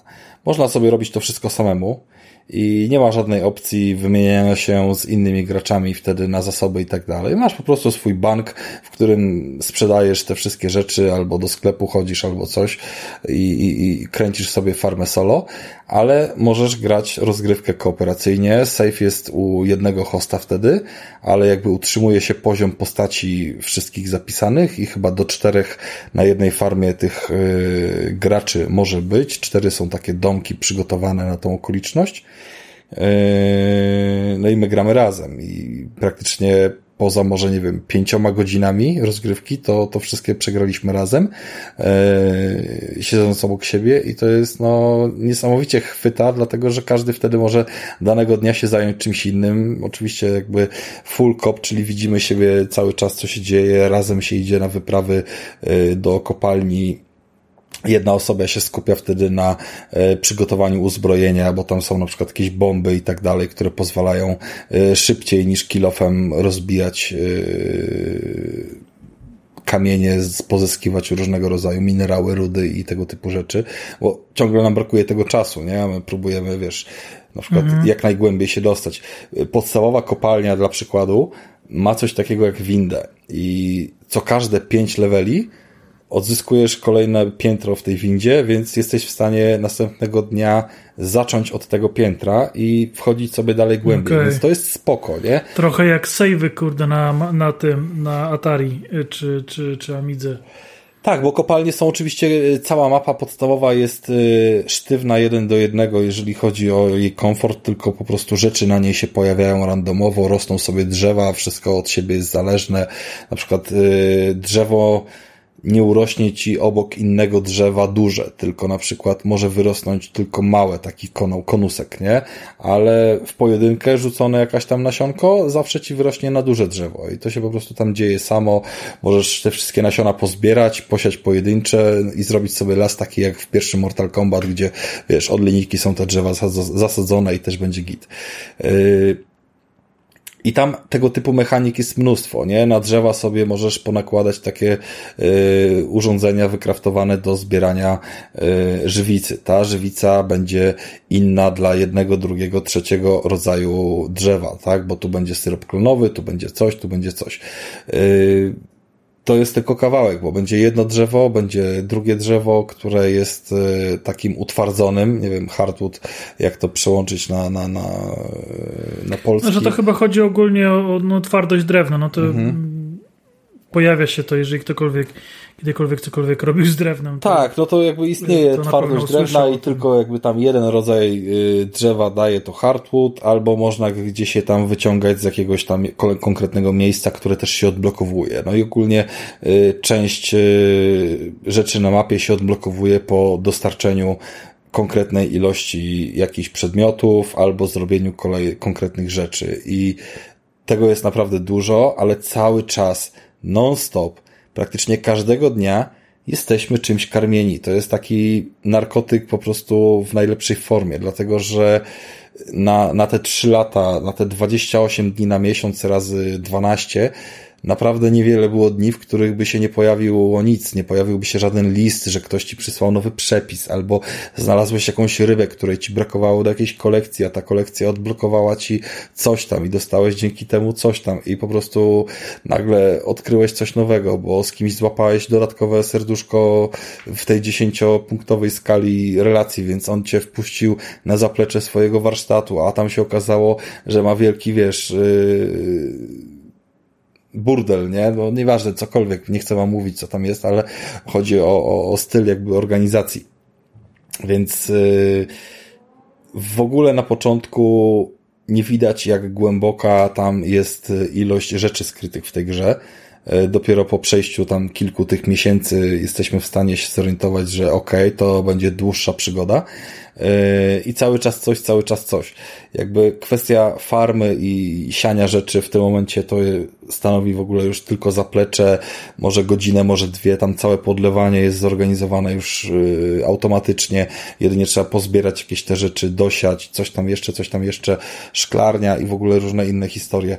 Super, ale wciąż jest mnóstwo rzeczy do odkrycia, wciąż jest mnóstwo relacji do zbudowania, żeby zobaczyć, do czego jeszcze nas ci ludzie są w stanie dopuścić mm, w tej grze. I naprawdę dużo rzeczy się tam zmienia, tak y, bym rzekł, globalnie. W sensie to nie jest tak, że od samego początku, jak tu macie bar, tu macie aptekę, a tam jest supermarket i, i, to jest tam, nie wiem, cztery budynki użytkowe na całej mapie, to że tak będzie do końca. Dlatego, że w pewnym momencie, jeżeli odpowiednie rzeczy zostaną zrealizowane, to coś tam się wypierdoli i wtedy, wtedy będzie ten słynny rozpierdol z dzisiejszego odcinka, że nagle what the fuck, co się dzieje, nie? Co więcej, ten jeden pamiętny moment, to pamiętam, że mieliśmy w tym samym momencie oczywiście y, scenki, ale mogliśmy wybrać formę, y, w jakiej ten rozpierdol przepuścimy. I to było wspaniałe, bo w ogóle zupełnie dwie inne scenki dopasowane charakterem, powiedzmy, postaci można było sobie dobrać, czyli taka bardziej konfrontacyjna lub taka mm, na spryt postawiona i, i, i próbę jakiegoś ogarnięcia. No ale rzeczy. w sensie, że spadką mieliście różne te? Tak. Okej. Okay to nie była kwestia decyzji, nie? Że, że y, efekt miał być ten sam. I to po prostu było od samego początku zaprogramowane w grze, że efekt będzie ten sam, nie? Y, to nie chodziło o podanie nam wyboru, tylko o lepsze samopoczucie tego, jak przebiega y, to wydarzenie. Był gość, który, który po prostu niezbyt był lubiany na wiosce i w momencie, gdy nastąpiło jakieś tam pospolite ruszenie i, i jego wielkie, wiesz, urażone ego zaczął tam krzyczeć i tak dalej, to jeden scenariusz był krótki, dobra, weźcie, skończcie pierdolić, załatwcie na pięści. I robiłeś im Mortal Kombat i, i ten gościu się tłukł z innym, a drugi scenariusz już nie będę mówił, ale był zupełnie inny i, i, i efekt był ten sam, ale wiesz, ale dosyć ważny moment w grze y, był rozwiązany całkowicie na dwa różne y, scenariusze, więc tym bardziej fajnie jest grać w kopie, żeby móc obok siebie, y, znaczy no, nie wszyscy muszą obok siebie, ale pamiętajmy, że jeżeli mamy połączenie kopowe, takie stricte, chyba nie można grać z komórek razem z pecetami, ale wydaje mi się, że Switch z pecetami się łączy nie byłem w stanie tego sprawdzić, znaczy mogłem to sprawdzić, ale mi się nie chciało, wybaczcie mi moje lenistwo, bo mam na Switcha też Stardew Valley kupione. Natomiast y, łączenie się ogólnie tutaj nie opiera się o żaden system znajomości czy, czy coś w tym stylu, tylko po prostu invite code, y, wpisujemy szyfr i jesteśmy w tym miejscu, więc y, raczej ten crossplay tutaj istnieje i jedynie po prostu ta wersja komórkowa gdzieś tam dostępna w Google Playu może być yy, trochę obcięta, trochę uproszczona, nie? Więc to jest jakby jeden ze scenariuszy, jakby ilość rzeczy, w których ta gra mnie zaskoczyła jest naprawdę przeogromna i bardzo to doceniam, pomimo tego, że wydaje się to być cały czas taką prostą rozgrywką, ale to nie jest tylko prosta rozgrywka, że Farmville i zbieramy cały czas, kosimy i coraz więcej, coraz więcej i to po prostu przestaje mieć sens dlatego że tutaj cały czas ma sens, nie? Dlatego, że dzieje się coś nowego, nowa tajemnica do odkrycia, ktoś nas lubi, ktoś nam da coś nowego, mamy jakieś taski, taski, jakieś questy, y, ktoś tam jeszcze w ogóle się z nami nie zna, jeszcze nam nie zrobił, a gdzieś tam wyczytamy albo się dowiemy, że on w ogóle może dla nas otworzyć swój tajemniczy sklep i zacząć nam robić jakieś y, dodatkowe budynki na farmie, tylko najpierw musimy się z nim dogadać, że, żeby w ogóle nam zaufał, nie? Żeby takie rzeczy robił i tak dalej, i tak dalej, więc yy, stopień jakby zaangażowania jest tu przeogromny i to jest moim zdaniem idealna gra, żeby mieć ją gdzieś odpaloną, może niekoniecznie na codzienne posiadówy, ale żeby po prostu sobie w tle gdzieś tam y, się kręciła. Fajnie, że jest y, w Game Passie, bo to oznacza y, no, nie trzeba po prostu kupić od razu kilku egzemplarzy, tylko, tylko jeżeli ma to być jakiś crossplay, to, to można po prostu sprowadzić go gdzieś tam do jednej konsoli. Natomiast najfajniej uważam, że byłoby grać tutaj w stylu kanapowym i, i w miarę możliwości obok siebie, bo, bo to daje jakąś tam frajdę, kiedy się wiecie, mijacie na tej farmie i robicie różne rzeczy.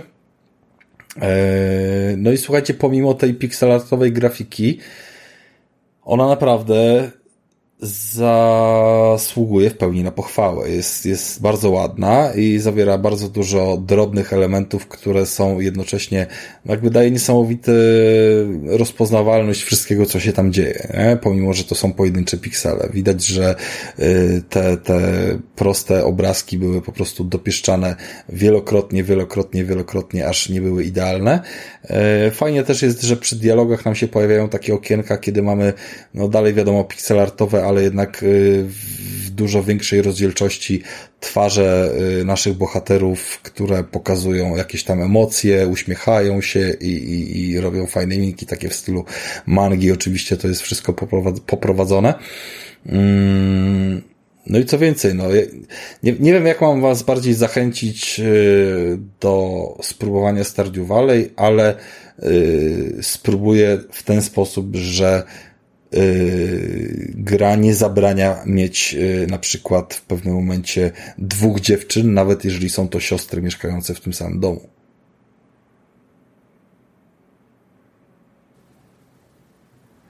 I nastała niezręczna cisza. Tak, nastała niezręczna cisza, bo, bo, bo nie, nie, jest, nie jest do końca zręczne się tym podjarać. Nie wiem, czy posiadaniem dwóch, czy że to są siostry, ale wiecie, jest to kwestia jakiejś tam otwartości w ogóle w konstrukcji. Ja byłem pewny, że yy, że mi się wykrzaczy w tym momencie coś na linii, że y, tam się chyba taki bukiecik daje, tak? Bukiecik to jest taki zapraszający do tego, żeby, żeby, żeby być y, z kimś w potencjalnym związku. Ten bukiecik się dopiero odblokowuje właśnie w pewnym momencie, gdy już ma się jakąkolwiek relację dopchaną na osiem serduszek. Y, no i było to zaskoczenie, kiedy się okazało, że drugi bukiecik też wjechał jak złoto i proszę bardzo, dwie dziewczyny nie ma problemu, nie? äh, No ale to wszystko pomaga, bo jest dużo takich rzeczy, że, że yy, wydarzają się one z nienacka i są to scenariusze przypisane dla każdego gracza oddzielnie, czyli po prostu uzależnione od tego, jakie relacje z kim się uda zbudować i, i co się gdzieś tam wtedy wydarzy. Są wydarzenia, które yy, powiedzmy, że są wspólne dla wszystkich, bo osiągnęliśmy jakiś tam poziom farmy i wtedy ktoś przychodzi i mówi, ale super, macie tutaj nową konewkę yy, i coś tam nam opowiada ale może to być po prostu historia z cyklu wchodzimy sobie do kogoś do domu i nagle tam się nam odpala scenka, która no nie wiem, opowiada jakąś historię, że ktoś sobie uratował papugę, bo, bo połamała skrzydło i spadła do, do ogrodu, nie? E, i ta papuga tam jest, ale tylko jedna osoba widziała tą scenkę, bo jest na tym poziomie tam gdzieś zaangażowania i, i, i ogólnie budowania tej relacji, więc ten charakter cały tych postaci jest tam przeprowadzony. E, co więcej... Yy... No to trochę w sumie szkoda, nie? Bo jeżeli gracie razem, no to powinno być to jednak bardziej wspólne. Ale gramy razem, ale każda z tych osób ma swój charakter i swój poziom e, relacyjności, więc dostępność, e, jakby farma, pieniądze, zarobek jest wspólny, jak w małżeństwie, ale każdy ma swoje hobby, swoje doświadczenie, w czymś jest lepszy, w czymś mniej i swoje relacje. I to jest fajne, że one nie są wspólne. No takie Simsy, no Simsy z ogródkiem, no. Nie, nie, nie, to z Simsami nie ma nic wspólnego. To jakby zupełnie jakby inny styl gry. Yy, w każdym razie, to, że gameplayowo to wciąga i że ten upływ czasu jest tak skonstruowany, że naprawdę. Ja wam, ja wam nie powiedziałem nawet o połowie rzeczy, które tam się gdzieś tam robi. Kwestia podróżowania w inne lokalizacje, a to na jakąś pustynię, a to na jakąś wyspę, zależnie od tego, co odblokujecie i tak dalej. Trochę tam powiedzmy, że to gdzieś tam no, Animal Crossing może przypominać, ok, ale tam dalej mamy kolejne questy do zrobienia i trzeba coś zrobić, kogoś uratować, gdzieś tam spenetrować ileś pięter w dół. Yy, przerwaliśmy sobie przy tych windach, że, że w kopalni są windy, które, yy, które nam sejwują co te pięć poziomów jakiś tam yy, progres. Okej, okay tylko w tej kopalni, która jest podstawowa, ale jeżeli pojedziemy na inną lokalizację, gdzie jest inna kopalnia i ona jest z tych trudniejszych i w ogóle tam zawiera inne stworki, to ona nie ma żadnej windy. Tam jest kwestia, że się dobrze przygotujecie, pojedziecie rano i albo dojedziecie do celu, albo nie. Jak głęboko się uda, tak się uda, nie? To już jest taki quest, wyzwanie, które sami sobie organizujecie. Nie ma żadnego rajdu w grze, że musicie tam jutro jechać albo coś, albo jest wydarzenie w grze czasowe, musisz przepustkę sezonową zrobić. Nie, zbieracie marchewkę z farmy, sprzedajecie hajs, kupujecie bomby i mówicie, dobra, ty, jutro idziemy wjechać tam na mocno, nie? W tą, tą e, kopalnię na pustyni, czy, czy coś takiego. I to jest oczywiście też jakoś tam zrekompensowane jakąś inną mechaniką, bo nie ma kopalni, ale są na przykład y, losowo generowane y, dziury w ziemi, które pozwalają spaść o kilka poziomów w dół naraz. I to raz będą trzy poziomy, raz będzie siedem i w ten sposób szybciej ten progres może być y, zaliczony, nie? Zamiast, zamiast jakby zapisywania tego progresu, to takie powiedzmy skróty, takie portale się tam pojawiają całkowicie losowo, bo zdarzyło się, że się nie pojawił żaden i cała wycieczka się skończyła na dziesiątym piętrze pod ziemią, co tak naprawdę było niczym. Eee, no.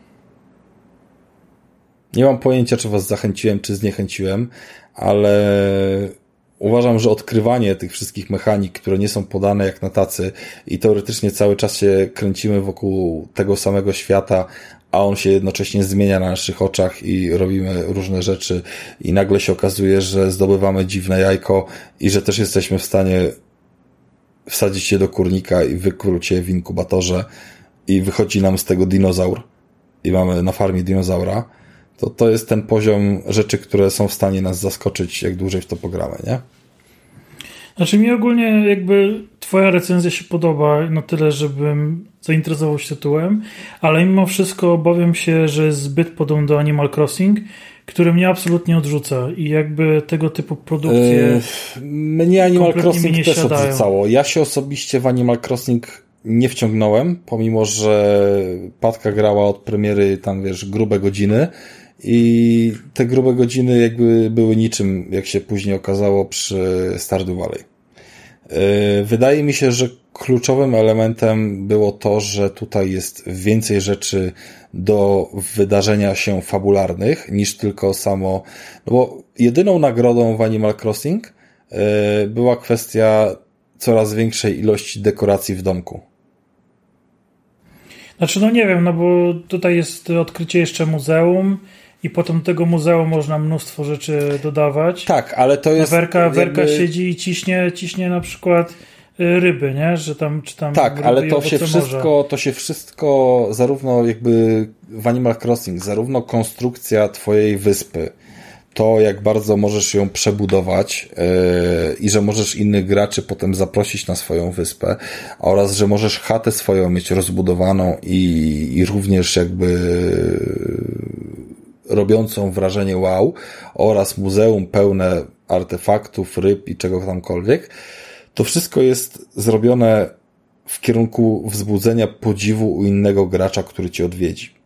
I dokładnie ten podziw się po premierze, bo to Stardew, Boże, Animal Crossing bezpośrednio w tym okresie popremierowym ogrywaliśmy, to to robiło największe wrażenie, tak? To, że jakieś tam wydarzenie się robiło online jak raz na jakiś czas, to, to, to był pikuś, natomiast odwiedzało się potem ludzi na innych yy, wyspach i ojejku, on ma tą wyspę normalnie, jakby ją od zera zbudował sam każdy jeden krzaczek i ona wyglądała, wiesz, jak w Abu Dhabi i w ogóle super, nie?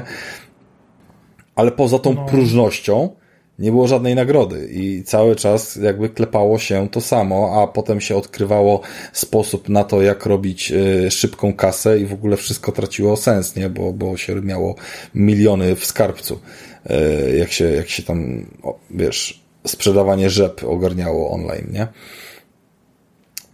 A tutaj tego nie ma. No, coś, tutaj, coś tutaj jakby wszystko robisz dla siebie, ale przeżywasz każdy dzień razem, nie? I, i ta interakcja jest mega satysfakcjonująca, dlatego że y, nie robicie cały czas tego samego, dzielicie się robić inne rzeczy i jednocześnie, o dobra, ja z tym zagadałem, a zdobyłem coś tam w jakiś wykopalisk, a dobra, to słuchaj, tutaj chodźmy razem, bo ja sam nie dam rady, a, a może zróbmy to, podzielmy się tym i to jest wręcz taka nauka współpracy cały czas na jakby jednej farmie, gdzie tego czasu coraz bardziej brakuje. Jestem w stanie sobie wyobrazić nawet, wiesz, i 3-4 osoby, które yy, grają w jedną farmę w tym samym miejscu yy, i na tej samej mapie i jakby spędzają w ten sposób czas. Dlatego, że jest ten podział obowiązków, jest wspólne przeżywanie każdego dnia wedle jednego zegarka, yy, jakieś takie kwestie, że już trzeba cię pogonić, już przyjść spać, już coś tam, to po prostu wspomaga mocno te interakcje. I to, że robicie wszystko razem, że się musicie komunikować, gdzie leżą wasze rzeczy, gdzie leżą surowce, w której skrzynce, a ty masz tego questa, a możesz mi wykraftować to, bo potrzebuję do czegoś, nie? I tak dalej, i tak dalej, bo się rozwinęliście w innych kwestiach, bo ja jestem dobry w łowieniu ryb, a ty jesteś dobry w farmieniu, to ty zrób to, ja zrobię tamto. To daje niesamowite jakby takie poczucie sensu w tej kooperacji. To jest jakby to jest kompletne przeciwieństwo poczucia sensu w kooperacji w Diablo, bo ja kompletnie nie mogłem załapać jakby intencji grania z kimś w Diablo, jakie teraz ogrywałem. E, próbowałem z Filipem, może nie z Filipem, z Jackiem, próbowałem z Mikołajem i my też chyba odpaliliśmy to raz mhm. kiedyś. I za każdym razem miałem tylko poczucie, że no dobra, biega ktoś za mną, kto mi pomoże najebać tych typów i nic więcej, jakby zero jakiegoś, wiesz, wymiany umiejętnościami, komunikacji, żeby to cokolwiek wnosiło jakiś sens do tego, że ty jesteś obok mnie. Ja sobie tak samo poradzę dobrze bez ciebie, jakby mając dobrego, dobrą postać builda. Tyle, że sobie możemy pogadać razem, ale pogadać razem możemy również jak włączysz inną grę i nie, nie ma problemu, nie? A tutaj, no jest, a tutaj tak. jest naprawdę ten sens yy, wykręcony, że o wiele przyjemniej się po prostu żyje gdzieś tam na tej farmie, robi te wszystkie rzeczy, yy, dzieli się zadaniami, wręcz byłbym w stanie powiedzieć, że ta komunikacja yy, ze Stardew Valley i jakby dzielenia się tymi obowiązkami może się fajnie nawet przekładać na komunikację jakąś yy, poza, poza gamingową, jeżeli mówimy tutaj o domownikach, nie? Okej. Okay. No i to. To, to, to jest w sumie zamknięcie. Słuchaj, a, y, a możliwy jest koop na jednej konsoli? Nie, podzielenie ekranu nie wchodzi w grę. Tutaj, tutaj takiej opcji przynajmniej, znaczy może inaczej. Ja tego nie odpalałem na dużych konsolach. Chyba, że masz ani trzy, nie, Tomek, wiesz. To... Ani nie odpalałem tego na Xboxie, znaczy, ani no na... mam, mam tego, mam Xboxa One jeszcze w sumie, nie? To, to będzie działało yy, Jeżeli, nie wiem jak tam konta Game Passowe, czy, one odpalą, czy, czy, one odpalą tą grę i jak to działa. Yy, no tak, no tak jak powiedziałem, gram tak non stop. No, Stardew kosztuje 5 dych, więc yy, potwierdzić trzeba tylko w necie, że crossplay między Switchem i dużymi konsolami działa po tym kodzie, bo nie jestem pewny. Gdzieś widziałem komentarze, ale one dotyczyły wersji mobilnych z telefonów, że, że to nie działa. E, wydaje mi się, że Nintendo akurat tam się spoko chwyta. Mm, to jest do sprawdzenia. I to jest idealne, żeby jedna osoba grała na telewizorze, a, a ktoś obok grał na Switchu, albo nawet, wiecie, dwie osoby, czy coś. Ale ty Tomek powiedziałeś, że masz drugiego Xboxa, czy Switcha? Nie, nie, mam Xboxa. One, Tomek ma dwa Xboxy. One X. O chuj ci no, no to na dwóch Xboxach na pewno sobie pograsz na 100%. Ale jaki jest sens, jeżeli on ma tego drugiego Xboxa na piętrze, a to jest jakby inny klimat niż jak ty masz w fantastyczny sposób dwa telewizory, jeden na drugim postawione. No mniej więcej tak. No ale no. crossplaya na pewno nie ma. Nie wierzę w to. Ma, mało gier ma crossa, więc e, tak na pewno nie zagrasz. Hmm. Okej. Okay. E, no, a jeszcze coś, Rafał, jak wkręcasz się w takie głupoty i grasz po 100 godzin e, ze swoją e, dziewczyną, przyszłą żoną, to zobaczcie, no. zobaczcie sobie jeszcze Don't Starve Together, ja, bo też fajnie chodzi. Ale to jest już survival. No to, to jest, tam, no, no, wydaje mi się. To jest survival, ale, ale bardzo fajnie działa w dwójkę, bo też różne fajne rzeczy ja, razem Ja grałem i nie podeszło mi. No tobie nie podeszło. Stardew Valley is cross-platform, available on PC, Mac, PS4, Xbox One, Nintendo Switch, Android and iOS. No to widzisz, to jesteś w domu. Tak jest y, przynajmniej coś tam opisane. A masz tam oddzielne konto jakieś, Rafał? Na to? Nie. Nie, ale kodami się tu łączysz. Masz swoje konto na swojej konsoli i jedna osoba ma save'a z farmą i ty się łączysz ze swoją postacią, którą nabijasz. Yy... No tak jakbyś się w Diablo połączył, tylko po kodzie. Nie musisz mieć konta internetowego, po prostu wpisujesz 10-literowy kod do Aha, danej no dobra, okay, okay, i się dołączasz okay. czyli do kogoś. Musi coś, czyli trzeba stworzyć. Aha, w sumie nie trzeba, no dobra. Nie, nic nie trzeba tworzyć. Kont żadnych się tu nie tworzy, tu jest szybkie połączenie, tylko po prostu lokalnie masz zapisaną postać, no wiem, wiem, wiem, a u kogoś masz, u, u, u hosta masz zapisany cały ten, wiesz, swój. No. Mhm. Spoko. No, e, jeżeli chodzi o mnie, to w Stardew Valley moja żona grała bardzo, bardzo, bardzo, bardzo, bardzo, bardzo dużo. E, do tego stopnia, że e, ja nie muszę, dziękuję. No i to jest właśnie Zapraszam pewna... Ule do podcastu. To jest właśnie pewna dziura, bo ja uważam, że... Znaczy, ja miałem Stardew Valley kupione już ze dwa lata temu i próbowałem w to grać w pojedynkę, próbowaliśmy oboje i to tak nie chwyciło. Tu dopiero jakby opcja odpalenia tego crossplayowo i, i, i w kooperacji po prostu odkryło fenomen, który tutaj gdzieś tam cały jest, bo mi w pojedynkę też by się znudziło pomimo, że tam jest mnóstwo fajnych rzeczy, ale jakby odkrywanie ich wspólne, kombinowanie, dzielenie się, co, jeżeli może coś tam zadziała i tak dalej, a może coś sprawdzimy na wiki, a może nie, spróbujmy to sami rozgryźć i tak dalej, tu jest jakby ten cały efekt, bo nie dostajesz tych rozwiązań super na tacy, nie? I one przychodzą, tak wiesz, do ciebie czasem jakąś plotką, czas, czasem czymś, więc ta gra nie tyle prowadzi za rękę, co, co podrzuca ci takie, wiesz, yy, różne niuanse.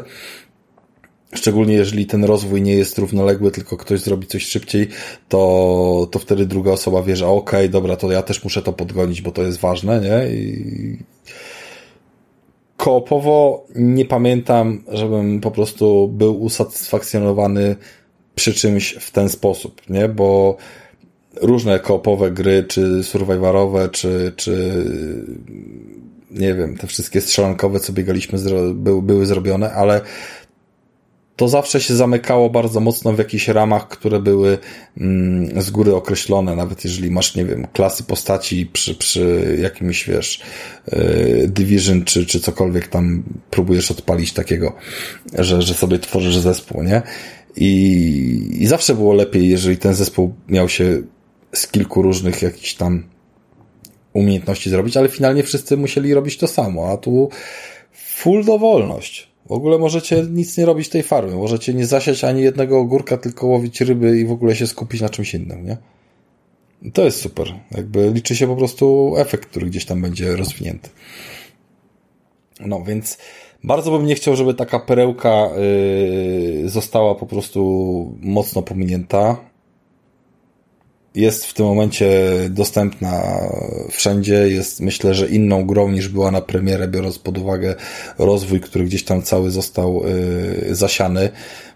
Dużo podobnych rzeczy myślę, że można powiedzieć o Among Us, które też przeszło solidną przebudowę i, i myślę, że też będzie trzeba za jakiś czas zrobić y, powrócenie do tematu i przypomnienie, y, czym dzisiaj jest ta gra. Natomiast no, na chwilę obecną farma gra odcinka.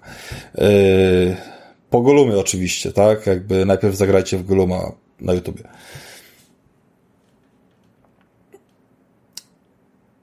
Dobra. Te wasze niezręczne cisze yy, po raz kolejny sugerują mi, żeby nie zostawiać wam pola do fajnych wrzutek. Yy, miejmy nadzieję, że ktoś tam przy montażu je potem yy, skróci. No i co? Przejdźmy w takim razie do delikatnego, sugestywnego zakończenia. Chciałbym tylko się zastanowić, który tytuł będzie do tego najlepiej pasował. Mm. Napisałem ci, który tytuł będzie do tego pasował, Rafał. Wiem, tylko. Sugestywnie ci napisałem to. Wiem, że mi sugestywnie napisałeś, no to... ale wiesz, wiesz, gdzie twoje czasami te sugestie mam jakby Dobra, nie będę ukrywał, zamknąłem chroma i nie chciało mi się patrzeć na to, co tam piszesz, więc yy, pozwolę sobie przeciągnąć jeszcze chwilę. Możesz mi powiedzieć, zanim to odnajdę i, i otworzę no, jeszcze raz. Ej, nawet dzisiaj Tomek wspominał tytuł tej gry. Czyli rozpierdol w postaci gry, która ma 30 lat i wyszła już szósta odsłona, czyż nie? Dokładnie tak. E, Czyli, tak, że to jest aż... dokładnie rozpierdol dookoła świata, bym nawet rzekł. Aż tak, że to nie jest.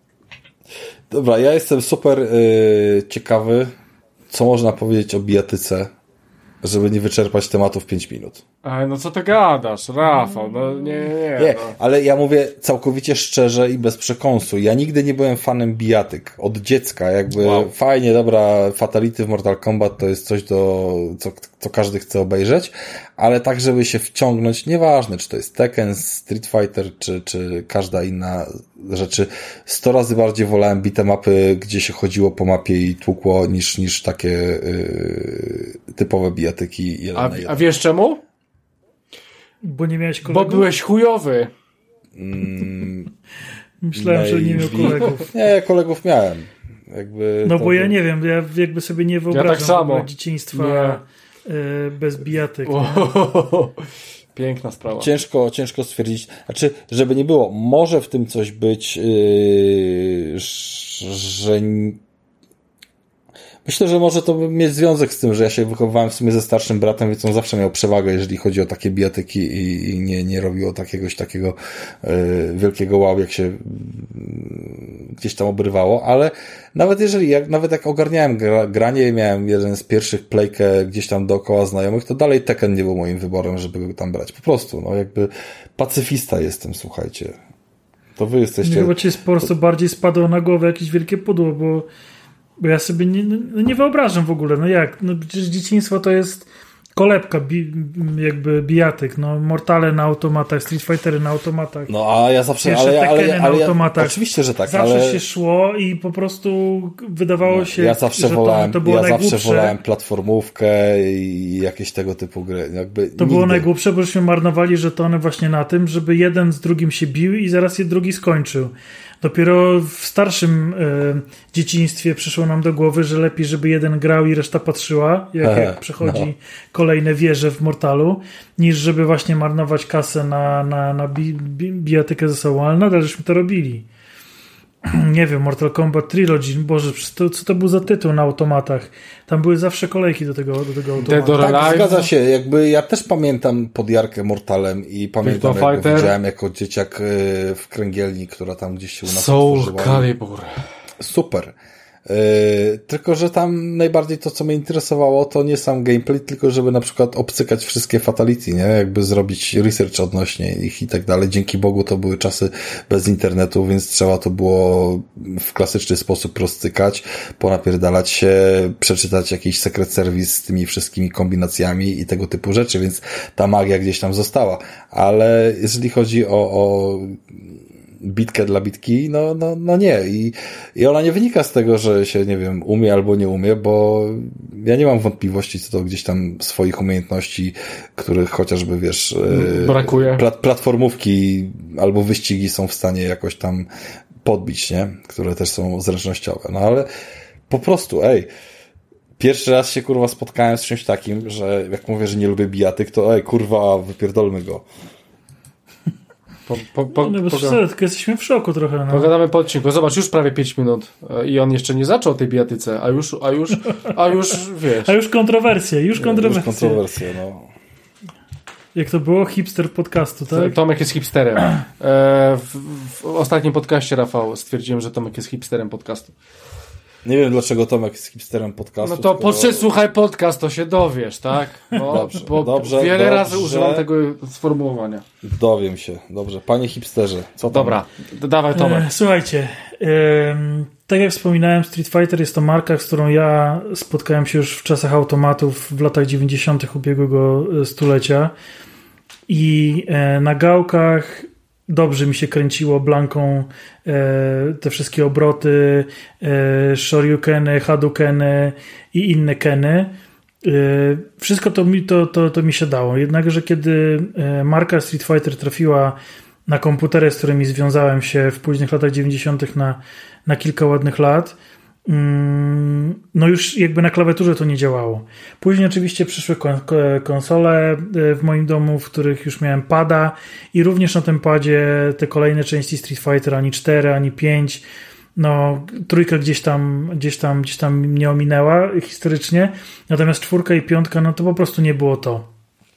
I, i jakoś z jednej strony mi się to podobało, bo to było takie wspomnienie dzieciństwa, z drugiej strony no ni cholery mi nie szło, więc po co się męczyć, jeżeli właśnie są nowe odsłony Mortal Kombat, jeżeli są nowe odsłony Injustice, jeżeli jest Tekken, który, e, no niestety powiem to głośno, e, po tym jak stał się multiplatformowy, nie jest już tym Tekkenem, który, który sprawiał mi frajdę.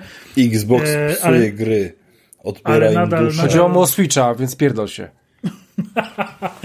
Ale nadal, e, nadal jakby był ten wybór, więc e, stwierdziłem, że no kurczę, no dobra, no nie muszę przecież grać we wszystkie biotyki, jakie wychodzą.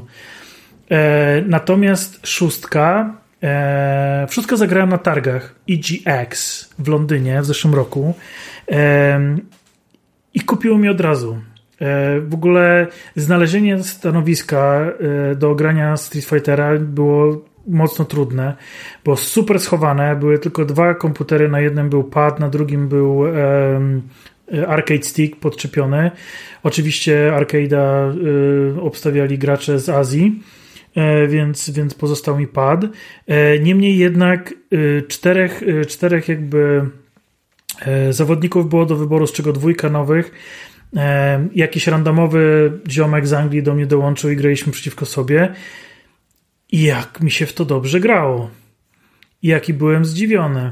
Co tu się wydarzyło? Otóż, moi drodzy, e, w Street Fighterze 6 ktoś poszedł po rozum do głowy i stwierdził, hej, słuchajcie, robimy zajebistą e, grę, w którą gra naprawdę mnóstwo prograczy, robimy zajebiste turnieje streamowane na całym świecie z pulami nagród i tak dalej, ale brakuje nam zwykłych graczy, bo hardkorowi playerzy to jest jakiś tam y, szczyt góry lodowej, natomiast e, wciąż jest, czy jest mnóstwo każuli, którzy by też mogli zagrać w naszą grę. A co jakbyśmy zmienili system e, walki? No i słuchajcie, e, faktycznie w Street Fighterze 6 został wprowadzony nowy system kontroli postaci, który bardzo mocno upraszcza. Nie jest to, znowu się odniosę Final Fantasy XVI, ale nadal jest ten system dużo, dużo bardziej przystępny i działa wyśmienicie. Z jednej strony nie jest jakby klepaniem jednego klawisza, a z drugiej strony zbliża nam to, co właśnie znamy w Mortalu czy w Tekenie i dużo łatwiej nam tą postać sterować, a przede wszystkim nie musimy wyłamywać gałek pada, żeby zrobić połowę ciosów w tej grze, bo jednak, jednak to na tym jakby opierała się, opierały się te ciosy, że kręciłeś tą gałką jakieś ćwierć obroty, trzy czwarte obroty, coś tam, no, no kosmos. Kosmos. Nigdy, nie, jakby, nigdy mi to nie szło, natomiast tutaj nie musimy. Tutaj jest normalnie, są e, kierunkowe e, strzałki, nie trzeba nic kręcić. Mamy cztery przyciski, każdy robi coś innego. E, są dodatkowe przyciski do specjalnych akcji. Wszystko działa po prostu wyśmienicie. I z tym założeniem zapragnąłem szóstkę posiadać na premierę. W międzyczasie okazało się jeszcze, że szóstka wprowadza tryb dla pojedynczego gracza i jest to tryb fabularny z pełną kampanią taką z historią i ze wszystkim. I to z kolei skłoniło naszego e, kolegę Tomka z Gdyni e, do tego, że on również zainteresował się tym torem. Ostatecznie go nie kupił, niemniej jednak wykazał nim zainteresowania. Wszyscy wiemy, w jego przypadku to bardzo dużo. E, I, I to znaczy, że to, coś tutaj się zmieniło. I faktycznie, słuchajcie, no, jeżeli znacie jakby e, fabuła e, z Mortala, z tych nowych Mortali 10, 11 czy z obu części Injustice, to mniej więcej macie jakieś pojęcie, jak te fabuły wyglądają. Są oczywiście fabuły stylu arcade, czyli mamy, to one są często w Tekkenie, właśnie w Street Fighterze, czyli wybieramy jedną postać, przechodzimy kilka tam walk, tam są rzucane jakieś po dwa zdania, e, jakiś krótki filmik na początku, na końcu, czasem w środku. Mamy jakiś taki zarys, co się wydarzyło z tą postacią w tej odsłonie, albo co się z nią wydarzyło od ostatniej odsłony. I spoko. E, czy te właśnie historie mortalowe, injustice'owe, one są bardzo liniowe, nie mamy absolutnie wpływu na to, kim gramy, jak gramy, e, i leci sobie tam fabuła i po prostu przechodzimy kolejne walki, tak jak nam to twórcy zaplanowali, czyli nie wiem, lubimy grać jedną postacią, ale musimy grać praktycznie wszystkimi, w zależności jak to tam poleci. Natomiast tutaj Street Fighter wprowadza otwarty świat. Tworzymy swoją postać, która może e, korzystać z dowolnego stylu, dowolnej postaci lub, co ciekawe, miksować te style. E, I taką postacią przechodzimy całą kampanię to my decydujemy o tym, jakim stylem walczymy, jakie są nasze ciosy podstawowe, jak one wyglądają, jakie są nasze ciosy specjalne. Nic nie stoi na przeszkodzie, żeby kogoś walnąć e, nogą, gumą Dallasima, za chwilę polecieć e, jak e, Honda na główkę, potem walnąć jakiegoś Shoryukena i zakończyć ciosem z dwóch pałek nowej postaci Lili. I to jest wszystko ok. Potem jeszcze sobie polecimy odwrot, odwrotny ten, e, to jest chyba kołowrotek się nazywa, czy, czy, czy coś takiego, e, Chan Li. Wszystko tu jest. I to jest bardzo ciekawe podejście. Co ciekawe, ten tryb fabularny nie jest na godzin 10 jak w Mortalach i Injustice, tylko mi zajął godzin 25. Mówiłem wcześniej chłopakom, że 30, ale specjalnie przed odcinkiem już to sprawdziłem. 25 godzin ten tryb zajął. No słuchajcie, mnóstwo. Trzeba przyznać, że tutaj znowu było to, o czym wspominałem wcześniej, czyli wydłużenie na siłę, bo dotarłem do e, finałowego turnieju, w, e, w, którym przeciwnicy byli tak zajebiście silni, że nie miało, nie miało sensu w ogóle z nimi stawać w szranki i spędziłem 5, może 6 godzin na grandzie poziomu, żeby moja postać była w stanie się z nimi mierzyć. Fakt, że po tym, e, po tym jak wbiłem ten poziom, żeby dobić do ich poziomu, no to ten turniej już przyszedłem dosyć gładko. Niemniej jednak no, no było to wymagane, żebym spędził ileś tam godzin biegając po prostu i się ze wszystkim bijąc, bo tu w tym otwartym świecie właśnie tak to działa. E, mamy gangi, e, które sobie tam czekają, aż my przejdziemy i wtedy nas spróbują zaatakować, ale też mamy zwykłych przechodniów, które możemy zaproponować e, pojedynek. Niezależnie od tego, czy są to zadania fabularne, czy są to zadania poboczne, czy są to właśnie takie przypadkowe starcia, za każdym razem, z kimkolwiek byśmy się nie bili, mamy serię dodatkowych wyzwań tylko dla tego starcia, które jeżeli spełnimy, to dostaniemy ekstra przedmioty. E, naszą postać możemy ubierać, te ubrania mają odpowiednie statystyki, te ubrania można ulepszać. E, jest na szczęście możliwość transmogowania, czyli ubrania, czy jakby wyglądania inaczej niż faktycznie mamy coś ubrane, bo często się zdarza, że to, co daje nam najlepsze statystyki, kompletnie do siebie nie pasuje. Są tak dziwne pomysły, jak to, że nosimy na przykład działający telewizor na głowie, E, czy pluszowy strój e, Blanki, e, który przez prawie pół gry miałem na sobie, ponieważ nie mogłem znaleźć nic lepszego, co by miało lepsze statystyki. Czy wiele, wiele innych. Natomiast możemy sobie to wszystko jakby zdjąć i założyć z tych wszystkich rzeczy, które mamy odblokowane, sklecić jakiś strój. Bardzo fajne, bardzo mi się to podobało i ogólnie uważam, że Dobrze jest, że te rzeczy coraz częściej w grach się pojawiają. Pojawiają się w serii Assassin's Creed, e, pojawiły się też w Diablo i że są to rzeczy e, od początku, bo czasami one są dopiero odblokowane po końcu gry i tak dalej. Nie, takie rzeczy powinny być od początku, przez to, e, przez to gracz moim zdaniem ma dużo większe poczucie, że to jest faktycznie ta postać, którą chce sterować. Tak jest Street Fighterze i chwała im za to. Niemniej jednak jakby tych przedmiotów jest całe mnóstwo, bo są też przedmioty do craftu i tak dalej, i tak dalej. Są też e, potiony, które was leczą i ważna rzecz, we wszystkich walkach w tym trybie, w trakcie starcia można się leczyć. Więc nawet jeżeli mamy starcie, gdzie faktycznie są dwie rundy e, do wygrania, e, maksymalnie trzy do grania, to też możemy teraz dostać straszne bęcki i tuż przed końcem wypić sobie miksturę, przywrócić sobie życie i w ten, w ten sposób wygrać. Niemniej jednak zdarzają się momenty, w których na przykład walka jest ustawiona i musimy ją przegrać. I miałem taką sytuację, że wykorzystałem wszystkie, wszystkie przedmioty leczące, e, żeby pokonać jakiegoś przeciwnika, żeby się okazało, że w momencie, jak go pokonałem, to jemu się pasek życia odnowił na maksa, bez w ogóle żadnego komunikatu, bez niczego. I powiedziałem, aha, trzeba przegrać faktycznie podłożyłem walkę i poszła fabuła, więc, więc też ciekawe, że są takie momenty, w których grach wam musi, mówi, słuchajcie, musicie przegrać, bo inaczej nie pójdziecie dalej. Hmm. To jest w ogóle ciekawe, bo no, co tam Krystian? Nie, nie, nie to, to jest ciekawe, tak, tak, tak. E, co więcej, właśnie przez to, że biegamy po tym, e, po tym świecie i te gangi nas napadają, no to te gangi mogą nam zadać obrażenie, żeby e, wejść z nami w walkę. Kontrą do tego jest korzystanie ze wszystkich ciosów, które odblokowujemy od różnych trenerów. Mamy je dostępne pod e, R2 na PlayStation. Nigdy nie pamiętam, co to, jaki to jest odpowiednik na, na Xboxie. Chyba LB, tak? Ale śmieszny jesteś. Wypierdolę więc, więc, więc, więc pod R2 mamy na PlayStation dostęp do tych wszystkich ciosów. I czasami te ciosy są niezbędne do tego, żebyśmy się po mapie przemieścili. Utknąłem w pewnym momencie, bo jakby miałem znacznik na mapie, że muszę się dostać w środku góry i nie widziałem nigdzie przejścia. A okazało się, że właśnie muszę jednym z tych ciosów, który, w których postać przemieszcza się w powietrzu, wykorzystać go na mapie świata, żeby przeskoczyć przez, przez przepaść. Więc, e, więc to jest dosyć ciekawy system. E, oczywiście jest mnóstwo w ogóle możliwości jakby tych, tych e, bujek, bo potem są jeszcze specjalni mistrzowie, z którymi można się bić i każdy, każdy trener, którego spotykamy też w ramach tego, jak będziemy się rozwijać w jego sztuce walki, będzie nas zapraszał na sparingi więc właściwie bijemy się, bijemy się, bijemy się, bijemy się, bijemy się, bijemy się.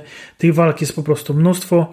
Plus właśnie w momencie, w którym musicie grindować, to, to biegacie jak głupi po całym mieście, szukacie tych wszystkich gangów, zaczepiacie wszystkich ludzi na ulicy i po prostu ich lejecie na potęgę.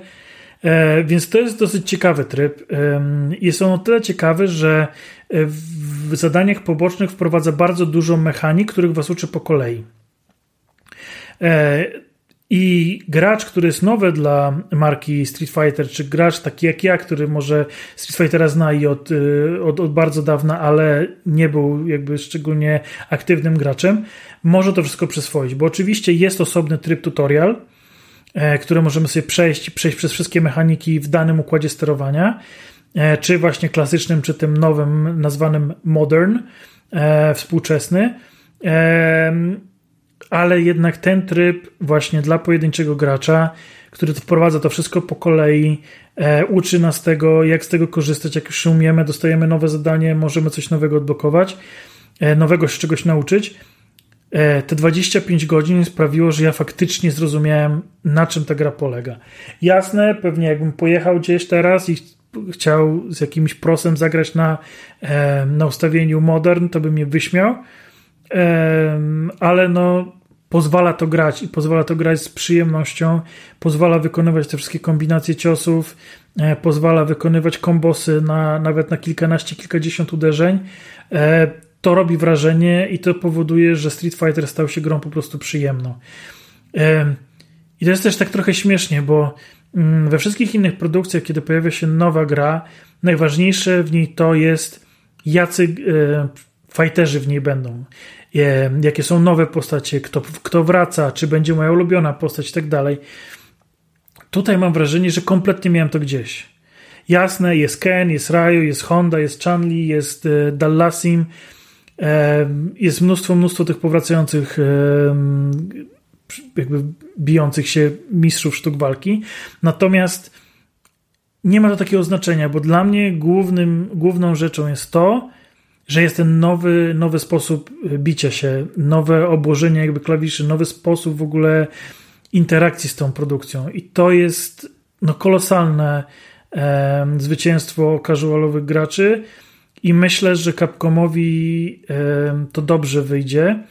Może jeszcze nie z wersją szóstą, bo to jednak po pięciu grach, w których e, no, było naprawdę ciężko troszkę może być ciężko wszystkim się przestawić na to, że, że ten Street Fighter może być przy, przystępny.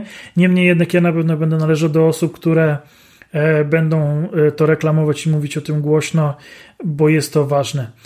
Oczywiście są e, dalej te krótkie kampanie trybu arcade, mają przepięknie rysowane plansze z fabułą, no i jestem po prostu zachwycony. Artysta, który to robił, czy tam artyści, to jest po prostu topka e, animatorów, grafików e, z, z, z, Azji. No to, co oni tam wymodzili, to jest, to jest niesamowite. Naprawdę ja bym chętnie te komiksy czytał e, osobno, kupione, stawiał sobie na półce, bo to jest tak przepięknie ilustrowane. No bajka, więc, więc warto również te, te wszystkie rzeczy przejść. E, to wszystko jest. Oczywiście można się mierzyć na jednej konsoli ze znajomymi. Wszystko tutaj to działa. I jest jeszcze jeden tryb, bo w ogóle jakby gra jest podzielona na trzy tryby. E, kiedy odpalacie menu, to właśnie trochę jak w Call of Duty, że macie do wyboru single, multi i Warzone. I tu jest właśnie e, single, czyli ta kampania. E, jest taki, teraz nie pamiętam jak to się nazywa, ale taki jakby lokal chyba, albo offline, albo coś takiego. To są właśnie te wszystkie tryby zrzeszające arcade, czy, czy walki między sobą. I jest na samym środku jest właśnie ten tryb do walki z innymi graczami, multiplayer. I to widać, że Street Fighter wie, e, co robi dobrze, do czego służy i co tutaj, co tutaj, tak naprawdę gracze chcą robić. E, I tutaj też jest to dosyć ciekawe, że nie jest to lobby, tak jak na przykład w, ostatnich Mortalach, e, tylko wchodzicie do takiej wielkiej areny, jakby, mm, jakby pomieszczenia, jakby jakiegoś stadionu, na którym są różne rzeczy, które możecie sobie robić, jakieś sklepy, nie sklepy. Po tej arenie biegają inni gracze, żywi e, i są porozstawiane automaty z Street Fighterem. I te automaty są jakby postawione do siebie plecami, trochę jakby były sparowane w LAN party i e, możecie usiąść do takiego automatu i w ten sposób wyszukać sobie gracza. Albo znaleźć kogoś właśnie w tym lobby i z nim się skumać i jego zaprosić do tego, żebyście się ze sobą e, bili. Więc daje to jeszcze taką dodatkową e, otoczkę turniejów, jakiegoś takiego e, smaku esportu. i też moim zdaniem dobrze robi dla nowych graczy, którzy by chcieli spróbować swoich sił w nowej odsłonie, bo widać, że to jest takie wyciągnięcie do nich dłoni. Hej, zobaczcie, tu są inni ludzie, możecie przyjść, możecie usiąść, możecie sobie pograć. Dostaniecie bęcki, to nic, e, jakby możecie sobie znaleźć kogoś innego, możecie znaleźć kogoś na swoim poziomie i tak dalej, i tak dalej. Więc to jest w ogóle petarda. Więc e, uważam, że to jest świetna produkcja jeżeli nawet nie interesuje Was multi, jeżeli uważacie, że nie będziecie grać z innymi przez sieć i nie jest to dla Was, to nadal zobaczcie, to jest bijatyka z fabułą e, w jednym trybie na 25 godzin, plus jeszcze te wszystkie e, arcady, czy możliwość grania e, na kanapie, no to są godziny, godziny rozgrywki, którą, za którą warto zapłacić tę cenę jakby AAA, czyli czyli to na poziomie 300 zł za, za, za tą produkcję. Naprawdę świetna bijatyka. Na pewno nie przebiją mnie Mortal Kombat, ale przyszedłem ją, zostaje na dysku i na pewno będę do niej wracał, jak tylko ktoś mnie odwiedzi. E, Mortal Kombat jest dla ciebie najlepszą bijatyką ever? Tomku? Aktualnie tak, aktualnie tak. A w ogóle? Kiedyś powiedziałbym Tekken, kiedyś powiedziałbym Tekken. Nie, to dla mnie jakby numerem jeden jest Tekken Tag Tournament 2. E, okej, okay. aha, czyli best, best of the best. Okej. Okay. E, tak. A... Na drugim miejscu jest Mortal Kombat Trilogy. No tak, tak, bo tam było, byli wszyscy. E, powiedz mi jeszcze, bo widzisz, wspomniałeś, że z tymi e, postaciami, że miałeś wywalone na te postacie, e, to oznacza, że ty nie masz ulubionej postaci w Street Fighterze? Nie, nie, faktycznie w Street Fighterze nie mam swojej ulubionej postaci. E, ogólnie mm, we wszystkich bijatykach e, poszukuję ludzi, którzy e, dobrze biją się nogami. E, I, I jakby jeżeli postać jest silna w nogach, to, to, to, to ma, moje, e, ma moje błogosławieństwo e, do tego, żebym chciał nim grać. Natomiast Natomiast tutaj tych postaci jest trochę, bo jest, e, bo, bo, jakby no te, ci, ci główni, tak, Ryu, Ken, oni grają nogami. E, natomiast są też nowe postacie, które mi się strasznie, strasznie spodobały. E, też nie wiem na ile są nowe, bo, bo nie, nie, śledzę tak dobrze tego. Dla, dla mnie były nowe. Mhm. Mm, więc, więc tutaj jest Jamie, jest bardzo fajną postacią. Yuri się zakochałem. Jest to taka pajęczyca trochę w, w stylu jakby poruszania się, e, też, też dużo, dużo atakująco nogami. No ale jest e, też bardzo sympatyczna Lili, właśnie o której wspominałem, e, która ma dwie pałki zakończone kamieniami i tam nimi okłada ludzi. Zaskoczyła mnie postać Marisy, która ma włosy przycięte na hełm Spartanina E, i też w tym trybie jakby kampanii e, rezyduje w Koloseum w Rzymie i wszystko jest jakby zrobione takiego, taką spartankę. E, no dość, dość śmiesznie to wygląda. Kulturystka, kawał, kawał kobiety. Fajnie to wyszło. Moim zdaniem zostawili te wszystkie stare postacie, które robimy, bo, bo właśnie no może jest jeszcze Guile, Gil, nigdy nie pamiętam jak się wymawia. Um, zabrakło oczywiście z Zengiefa. E, zabrakło... O, to była postać, którą lubiłem bardzo. Myślę, że on zostanie dodany e, jako DLC, bo zawsze do Street Fighterów, no zresztą obecnie chyba do wszystkich bijatyk wychodzi tyle tych DLC, że potem po paru latach to trzeba wydać więcej niż na, na samą podstawkę, żeby te wszystkie postacie zebrać. Mhm. Nie ma Bizona, oczywiście. Jest nowy zły e, i jest kozacki. Jest naprawdę kozacki. Bardzo mi się ta postać podoba. To jaki, jaki design jej zrobiono. I całość w ogóle jest podkręcona kolorami, bo to jest tak jakby.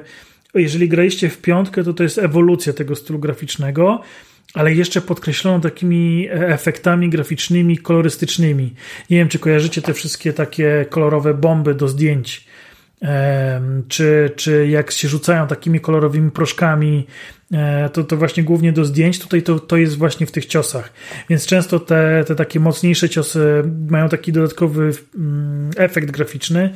Strasznie mi się to podoba. Strasznie jest kolorowo, ale, ale kolorowo w takim niejarmarcznym stylu, tylko właśnie takim że chce się robić zdjęcie tego, że, że, że jest taki wow, ale to fajnie wygląda, ale to się fajnie komponuje i kolorystycznie jest to dobrze dobrane do postaci, do tego, co się dzieje na ekranie, że nie jest to właśnie takie um, kujące w oczy, tylko fajnie uzupełniające tę scenę, więc ja jestem pod wielkim wrażeniem um, przede wszystkim tego, że Capcomowi nie zabrakło jaj, żeby wprowadzać aż tak e, kolosalne zmiany no dodanie trybu dla pojedynczego gracza na 25 godzin, zmiana zupełnie logiki obłożenia klawiszy, żeby graczom się grało lepiej.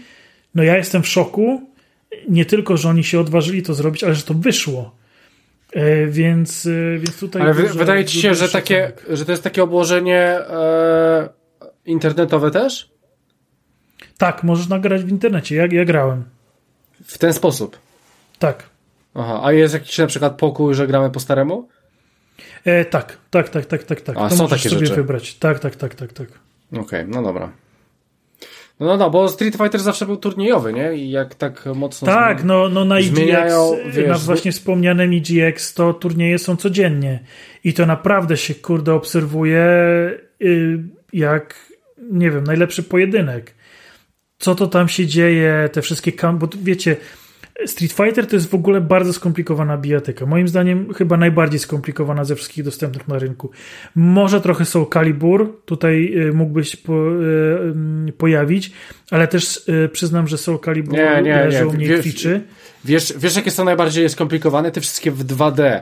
Na przykład Blast Blue albo Guilty, A, nie, nie, Guilty no, okay, Gear. Okay, okay, to, no jest, to, nie, to są nie, pojebane bijatyki. Okej, okay, dobra, zgadzam się, to, to spoko. Ale jeżeli chodzi o te trójwymiarze, to wydaje mi się, że Street Fighter jest najbardziej skomplikowany, bo to są Ale kantery, nie kantery, e, jakieś Street teraz Fighter wprowadzili. nie jest w trójwymiarze, Tomek, chyba.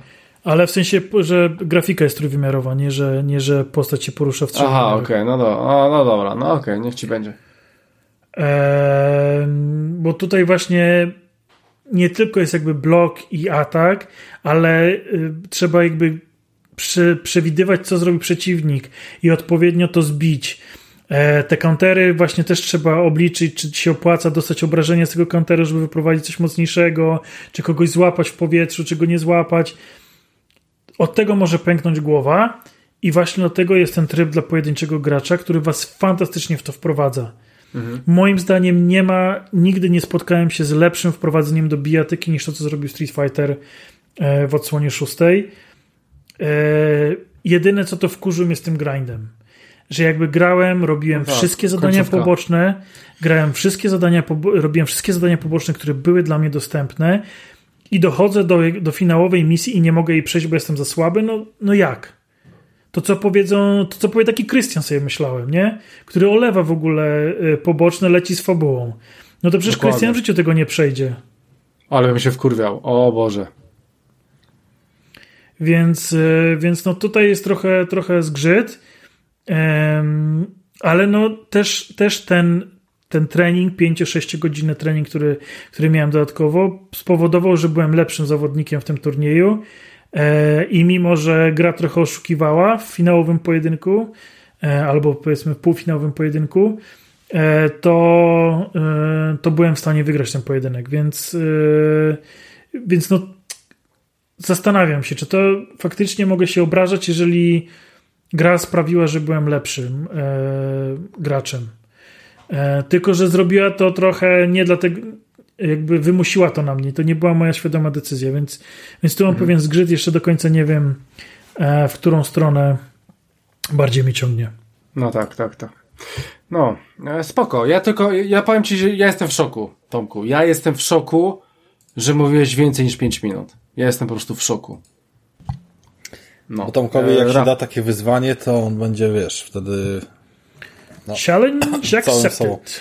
Nie, ale to prawda. Jakby dużo tutaj padło stwierdzeń, które rozwinęły głębiej gdzieś tam tego tytułu i, i, nie można powiedzieć, że to jest tylko e, stricte bitka, ale zamknę to tylko taką klamrą, że no wskazane dla mnie jest istnienie innych opcji e, rozgrywek niż tylko właśnie versus, versus i tak dalej, e, bo chyba najwięcej czasu właśnie spędziłem, gdy Mortale wprowadzały te swoje tryby story, gdzie, gdzie była fabuła połączona z mm, kolejnymi e, bitkami i one po prostu prowadziły nas przez jakąś tam historię. No ja chyba jestem skrzywiony po prostu na fabularne gierki, które gdzieś tam coś potrafią fajnego przedstawić, e, albo po prostu zbyt e, cenię kooperację przeciwko versusowi. Cóż. W ten oto sposób 240 odcinek podcastu bezimienny z podtytułem Rozpierdol zbliża się ku końcowi. Jeżeli e, moi szanowni współprowadzący mają ochotę coś jeszcze dodać, pozdrowić e, w sumie kogo chcą, tak naprawdę nie będę ograniczał się w wyborach, to teraz jest na to moment i tak potem to wytniemy. I, i cóż, dziękujemy, że byliście z nami. 240 to dopiero początek, lecimy po 420. No i co? Był z nami Christian Kender? E, byłem, dziękuję. Pozdrawiam. Wysłannik z Xboxa z trzema y, platynami wklepanymi na, na, na tym już?